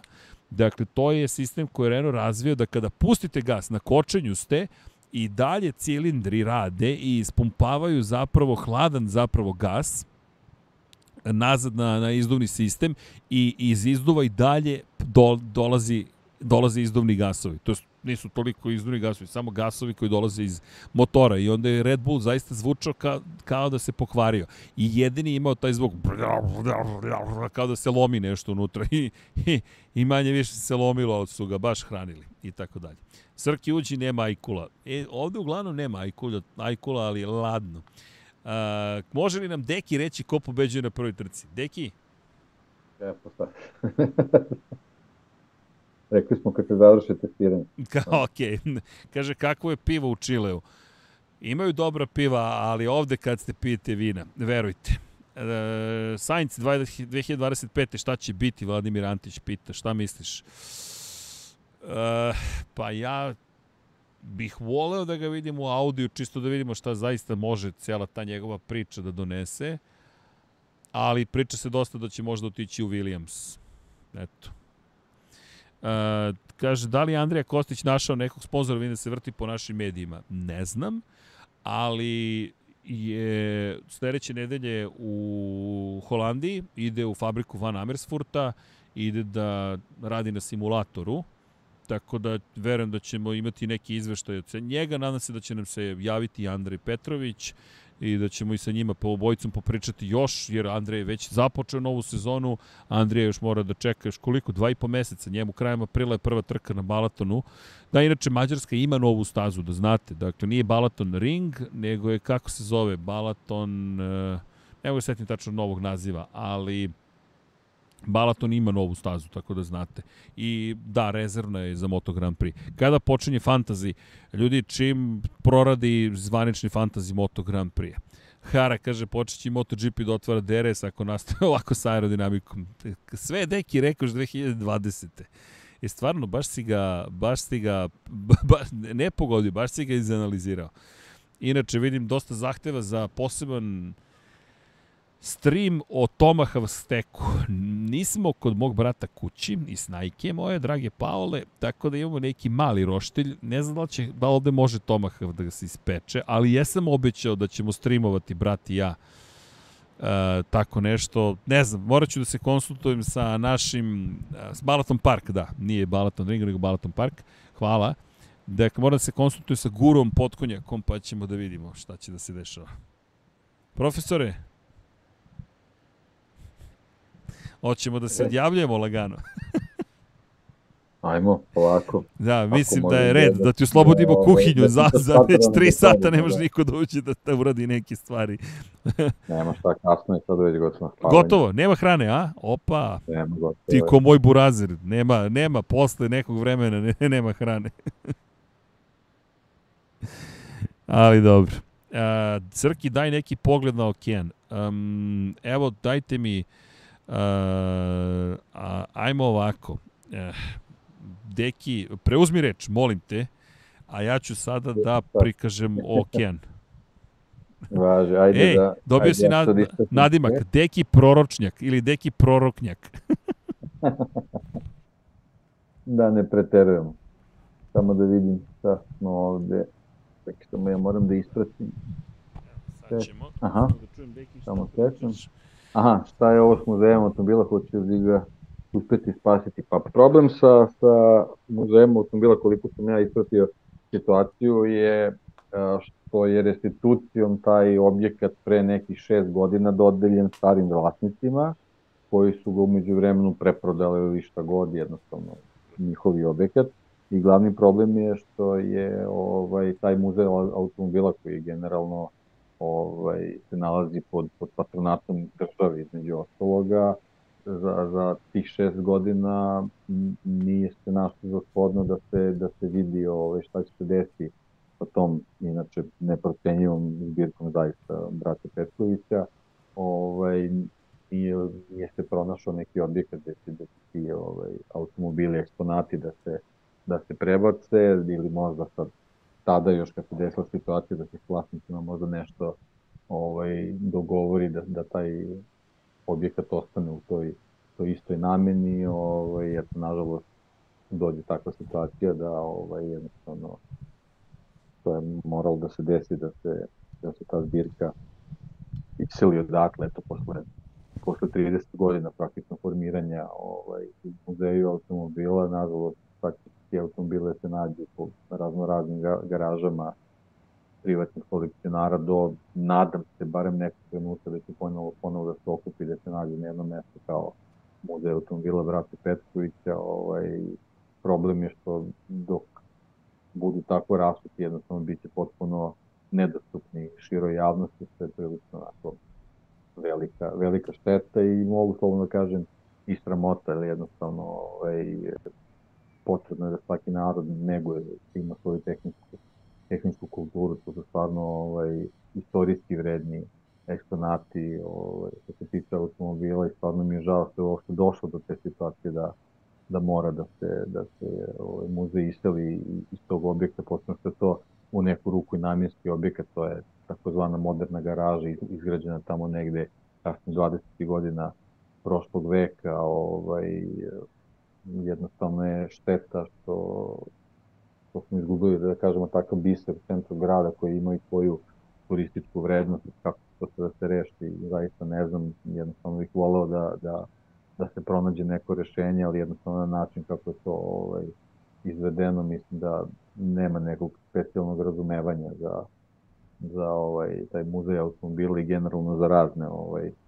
tehničke stvari, nažalost, eto, svi smo svedoci generalno u regionu, osim, osim grobnih porijeci, nemamo ni trkačku stazu, a kamoli da, da, da neko razmišlja o nekim drugim stvarima, koliko je bitno da, da ovaj, uh, pre svega mladi ljudi pokolenja imaju ovaj, i pokolenja imaju ovaj, priliku da, da, da razvijaju svoju tehničku kulturu, tako da to je samo jedan deo toj nekoj, nekoj tumornoj priči vezano za, za, za ovaj, modernu garažu, tako da mnogo mi je žao generalno što se to desilo.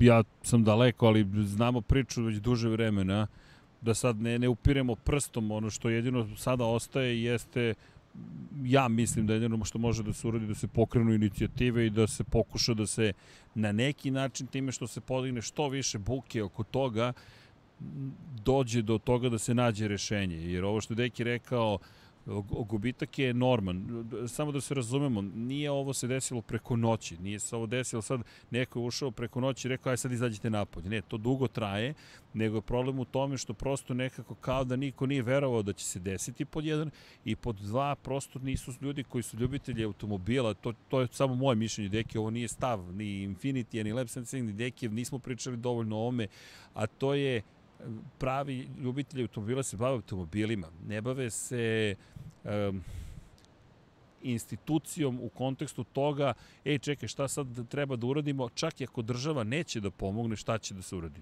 Nama država ne pomaže. Nama niko ne pomaže osim vas. I to je nama dovoljno, ali koncept je malo moderniji i tu mora da se dese promene na nivou toga da organizacijono, ja mislim da svi treba zajedno koji volimo automobile da nekako sednemo, zdumamo i kažemo, ok, evo vam ideja, mi možemo da damo ideju, ne možemo da podržimo sve, još muzej automobila Infinity Lighthouse da napravimo je deki onda stvarno, i ovako smo... Dole, dole, dole na ranču sad bar imamo dovoljno kvadrata. To, to, to imamo kvadrate. to, to, to, to, svemirskom ranču, svemirskom ranču. Mora se da uvoci svemir, izvini. Ali činjenica da, da, da, ja duboko verujem u te inicijative. Kao što smo se svi ovde skupili zato što volimo MotoGP i Formula 1, tako i oko automobila ima grupa zaista divnih ljudi, ali to mora da se institucionalizuje. I to ono što Deki, na primjer, pričao, ako smem da napravim paralelu sa Aprilijom, moraš da imaš neki cilj, ali moraš da počneš da pristupaš tome na jednom drugom nivou. I to su sad transformacije koje mi moramo sami da uradimo. Ja od države ništa ne očekujem, ne kritikujem je, samo ništa ne očekujem zaista. I mislim da je na nama da kažemo, ok, aj šta možemo da uradimo. Ali to je sad priča koja, koja tek treba da se desi. U ovom trenutku sve ostalo što vam kažemo na nivou voleli bismo, sanjamo, želimo. Što i ponekad dovoljno da se pokrenu stvari, ali eto. Deki, ja sam i okean prikazao, ali bojim se da moram se vratiti na svoje mesto, zato što je ovo nemoguća pozicija. Ja sam skratio sve kablove jer sam očekivao da ću sedeti malo drugačije. Da ću sedeti malo drugačije, izvinite. E, ali nema laži, nema prevare. Što bi rekli, radimo uživo. Sad je makar sve jasno. Čekaj, sad mi se sve poremetilo ovde. Svi kablovi su se upleli. Dobro. Evo, Moram da spremim drugu kameru, znaš, kao, sa, sa tri kamere. Jedna prikazuje okean, druga je gore, ne znam, dron, treća je total i tako dalje i tako dalje. Ali dobro. Ej, ljudi, šta da vam kažemo? Nadam se da ste uživali. Evo da odgovorim i na pitanje da li su i uskršnje ostrava tu. Uh, uskršnje ostrava jesu u Čileu, ali su na odavde na 3600 km. Ljudi, dakle, iz Beograda do Malmea je 2200 km. Ma dobro, to kad idete Gadanska gore. Dakle, ovo vam je negde do polarnog kruga od Beograda 3600 km, deki. Da, da. E, e, Uskršnje ostrava jesu tamo, ali ljudi, 5 sati i 20 minuta se leti do Uskršnjih ostrava od Santiago. Ljudi, govorimo o tome da je to mnogo daleko. I komšilu komšiluku. Ja pritom nemam pojma kako su ih pronašli s brodovima, znam otprilike. Zavisi tako ideš u Pacifikom i vidi neka ostrava. Ljudi, prestranstvo je beskonačno praktično. Ali dobro. A, hoće li ove sezone biti organizovano gledanje trka na ranču? Zoki, već u subotu gledajte SBLV11 III ili ti Super Bowl 58. Ekipa se skupila, tamo će biti žurka od 22. Kreću u 0-0-30 počinje Super Bowl 58, Kansas City Chiefs i protiv San Francisco 49ersa. Eto, tako da znate. Srki, zašto je Antonio Ducati bio vlasnik fabrike samo 15 godina? Da se de... E, to ne, moram priznati da ne znam baš da, celu istoriju. Ne sećam se, davno je bilo kad sam se baš bavio istorijom Ducatija cijelog, ali ću proveriti za sledeći put ako može. Ja mislim da on, on je bio vlasnik do početka drugog svetskog rata. A, ali Uh, I onda se, koliko se sećam, ovaj, ja krajem drugog da se desilo neko bombardovanje i verovatno je tu ovaj, ali jako... Ovaj, da nekih finansijskih poteškoća, da se tako izrazi. Ali... Postavljam, ali, ali ne znam tačno ovaj, ovo šta se desilo Z... posle drugog svetskog rata. Zar ni, ja koliko se sećam, braća su u pitanju, to znam sigurno da su braća bili, ali ne pa mogu da, da se setim. To je otac, otac i tri sina. Da, da, ta, ako se ja dobro sećam, tako je. Da, da, da, da. I da je odatak ali, krenulo. Ali ali oni su osnovani tamo recimo 1926. znači 15 godina 41. znači otprilike to se dešavalo negde oko drugog svetskog rata i posle tog bombardovanja, bombardovana je fabrika, ovaj, ne znam tačno posle šta se desilo sa vlasničkom strukturom, zašto, zašto se on da, više ne pojavljuje. To se stvarno ne sećam, ali, ali su braća bili to znam da su braće bili zapravo ključni u cijeloj priči oko Ducatija, ali, ali ovako na pamet stvarno lagaću vas da vam sad kažem preciznije, mislim da je Deki dao najbolji odgovor. Pa nisam možda dao najprecizniji, ali, ali znam da, da se nešto poklapa sa drugim svetskim ratom. Tako da to je, to je tako. Dobro, deki, ljudi, šta da vam kažemo, nego da nam je drago što ste sa nama, da vam želimo lepu, mirnu, laku noć, pošto je kod vas jel te, noć, ovde zalazi polako li sigurno sunce.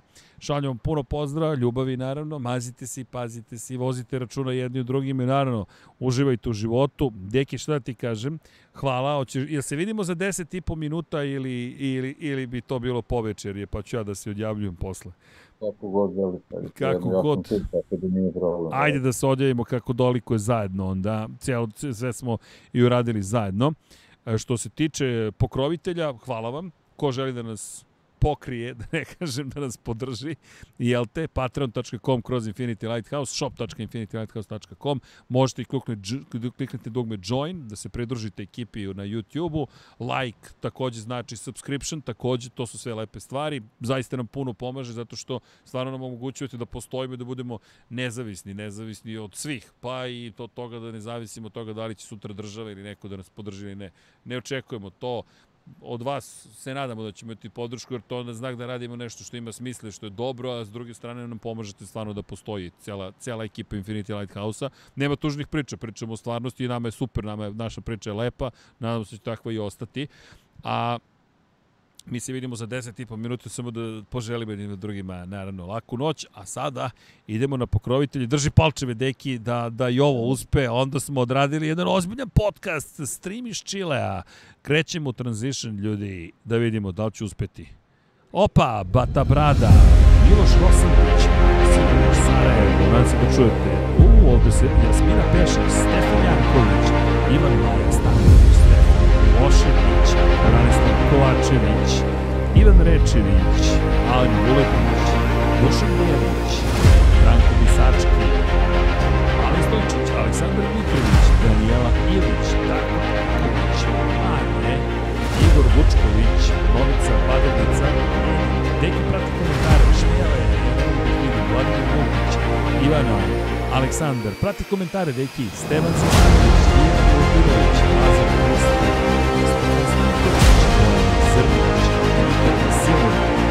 Toško, Mihajlo Krgović, Ivan Panajotović, Jeremić, Jugoslav Ilić, Žulić, Marko Kostanac, Crnogorski, Đelo, Econ, Marko Abumano, Onik Erce, Nikola Miroslavljević, Miša Vulević, Nikolić, Zoran Siniša, Aleksandar Miroslavljević, Aleksandar, Marko Krkulja, Đerman, Srđan Simić, Skoković, Vladimir Dej, Nikola Stojanović, Zorana Vivić, Jana Veljković, Dejan Vujović, Ivan Sigir, Lukašin Vučenović, Matija Rakić, Bogdan Uzelac, Stefan Nedeljković, Aleksandar Bogić, Đorđe Radović, Niko Đurović, Dušan Kristić, Robert Čović, Jeca, Stefan Marko Marković, Vojn, nisam vidio prezime, Vuk Korać, Dorijan Kablar, malo manji ekran, Nemanja,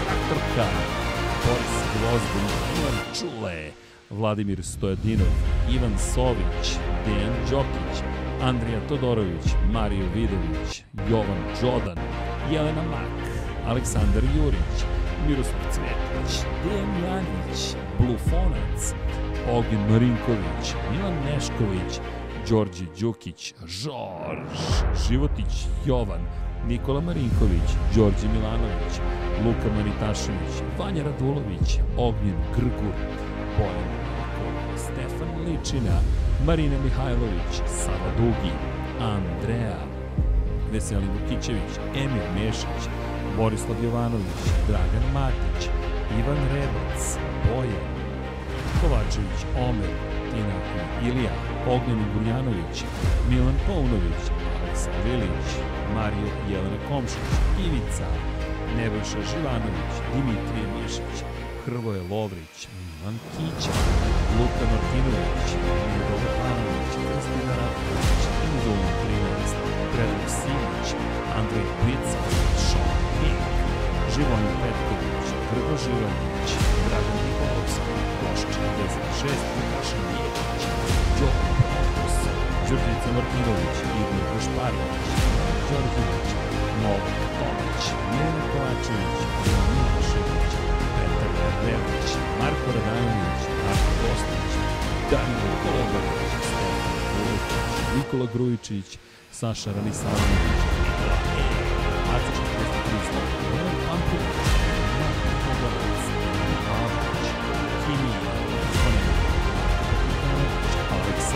Vučar, Pavle, Milan, Ferenc Laslofi, Jana Jelenić, Milan, Boris Kojundžić, Đorđe Vukušin, Stefan Prijović, Jo, Žigi Bao, Benjamin Gej, Vladimir Petković, Luka Sarović, Aleksa Bjelić, Miloša Vladimić, LFC, Vlada Ivanović, Andrej Božo, Nemanja Milošević, Jasenko Samarđić, Vladen Mladenović, Đole Cheesehead, Kristijan Šestak, Matija Binotto, Miloš Todorović, Da žena ne sazna, Milan Ristić, Strahinja Blagojević, Bojan Bogdanović, Zoran Baka, Mladen Dešić, Igor Jankovski, Branimir Petronijević, Klara Gašpar, Antonio Novak, Aleksandar Antonović, Stefan Radosavljević, Toni Ruščić, Andreja Miladinović, Aleksandar Radiviša, Miloš Prodanović, Dušan Petrović, Miloš Banduka, Šefko Čehić,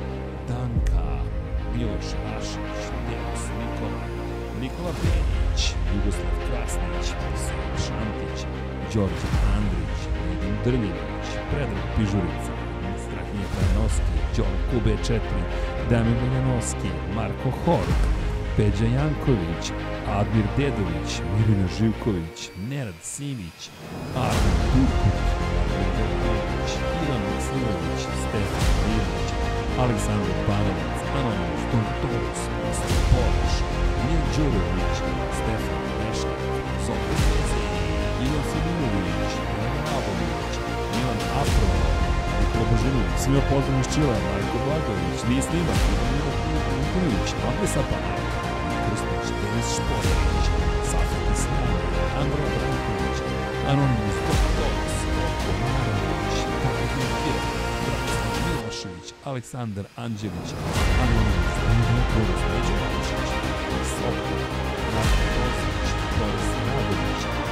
Branislav Denić, Ivan Pročeta, Ivan, Zlatko Vasić, Renat Neš, Martin Gašpar, Ivan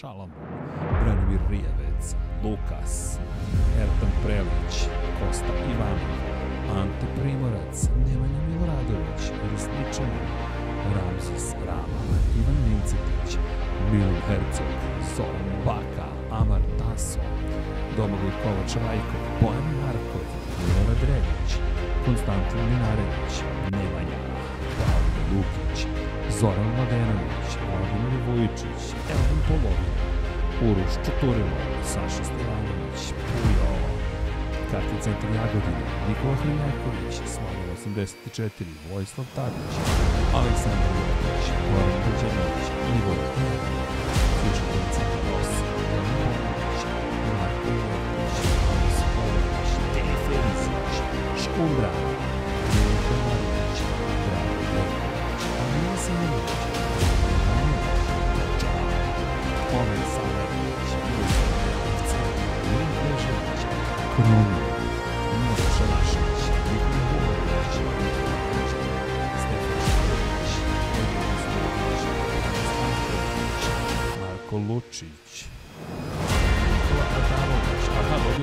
poruku da je muzika glasna, smanjio sam, Tatjana Lemajić, hvala, Igor Ilić, Ejhel, Vuk, Mateo Miholić, Aleksandar Kockar, Dejan Janić, Ivan Magdelinić, Lunatic Soul, Nemanja Cimbaljević, Aleks Vulović, Predrag Zec, Toni Soni 76, Blago Jačevski, Vladimir Subotić, Igor Vranić, Pancer, Stevie G8, MM93, Vlađan Đurić, Aleksandar Stojković, Ivan Novaković, Filip Knežević, Almedin Ahmetović, Dejan Plackov, Plackov, Dinstero, Zlatko Marić, Bruno Jurić, Nikola Božović, Ivan Hornjak, Nikola Grujičić, Jovan Bajić, Branko Rašević, Petar Bijelić, Nikoleta Minić, Žika Su, Josip Boljovčić, Jelena Jeremić, Srđan Ćirić, Miloš Stanimirović, Marakos, Galeksić, Uroš Ćosić, Josip Daničić,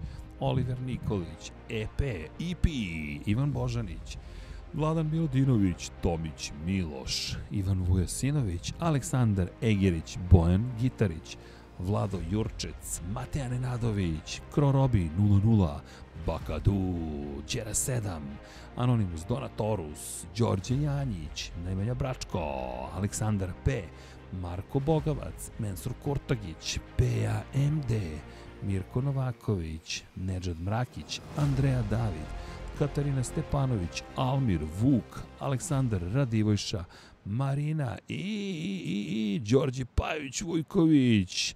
Deki, u, čekaj, transition mi se pokrio. Tu smo, Deki! Vrati se. to ti kažem, Deki, što da ti kažem, nego zadovoljstvo je sa sve ove razdaljene, sve ovo uraditi. Jeste malo danas bilo specifično, jesu nas izbacili iz studija, šalimo se, niko nas nije izbacio, podržavamo sve, celu ekipu, u svakom slučaju želimo da vam, da vam kažemo da je bilo divno sve ovo raditi. Deki, vidi, do, do sutra već ćemo da sredimo za ove mikrofone i slušalice i ostale zabavne momente.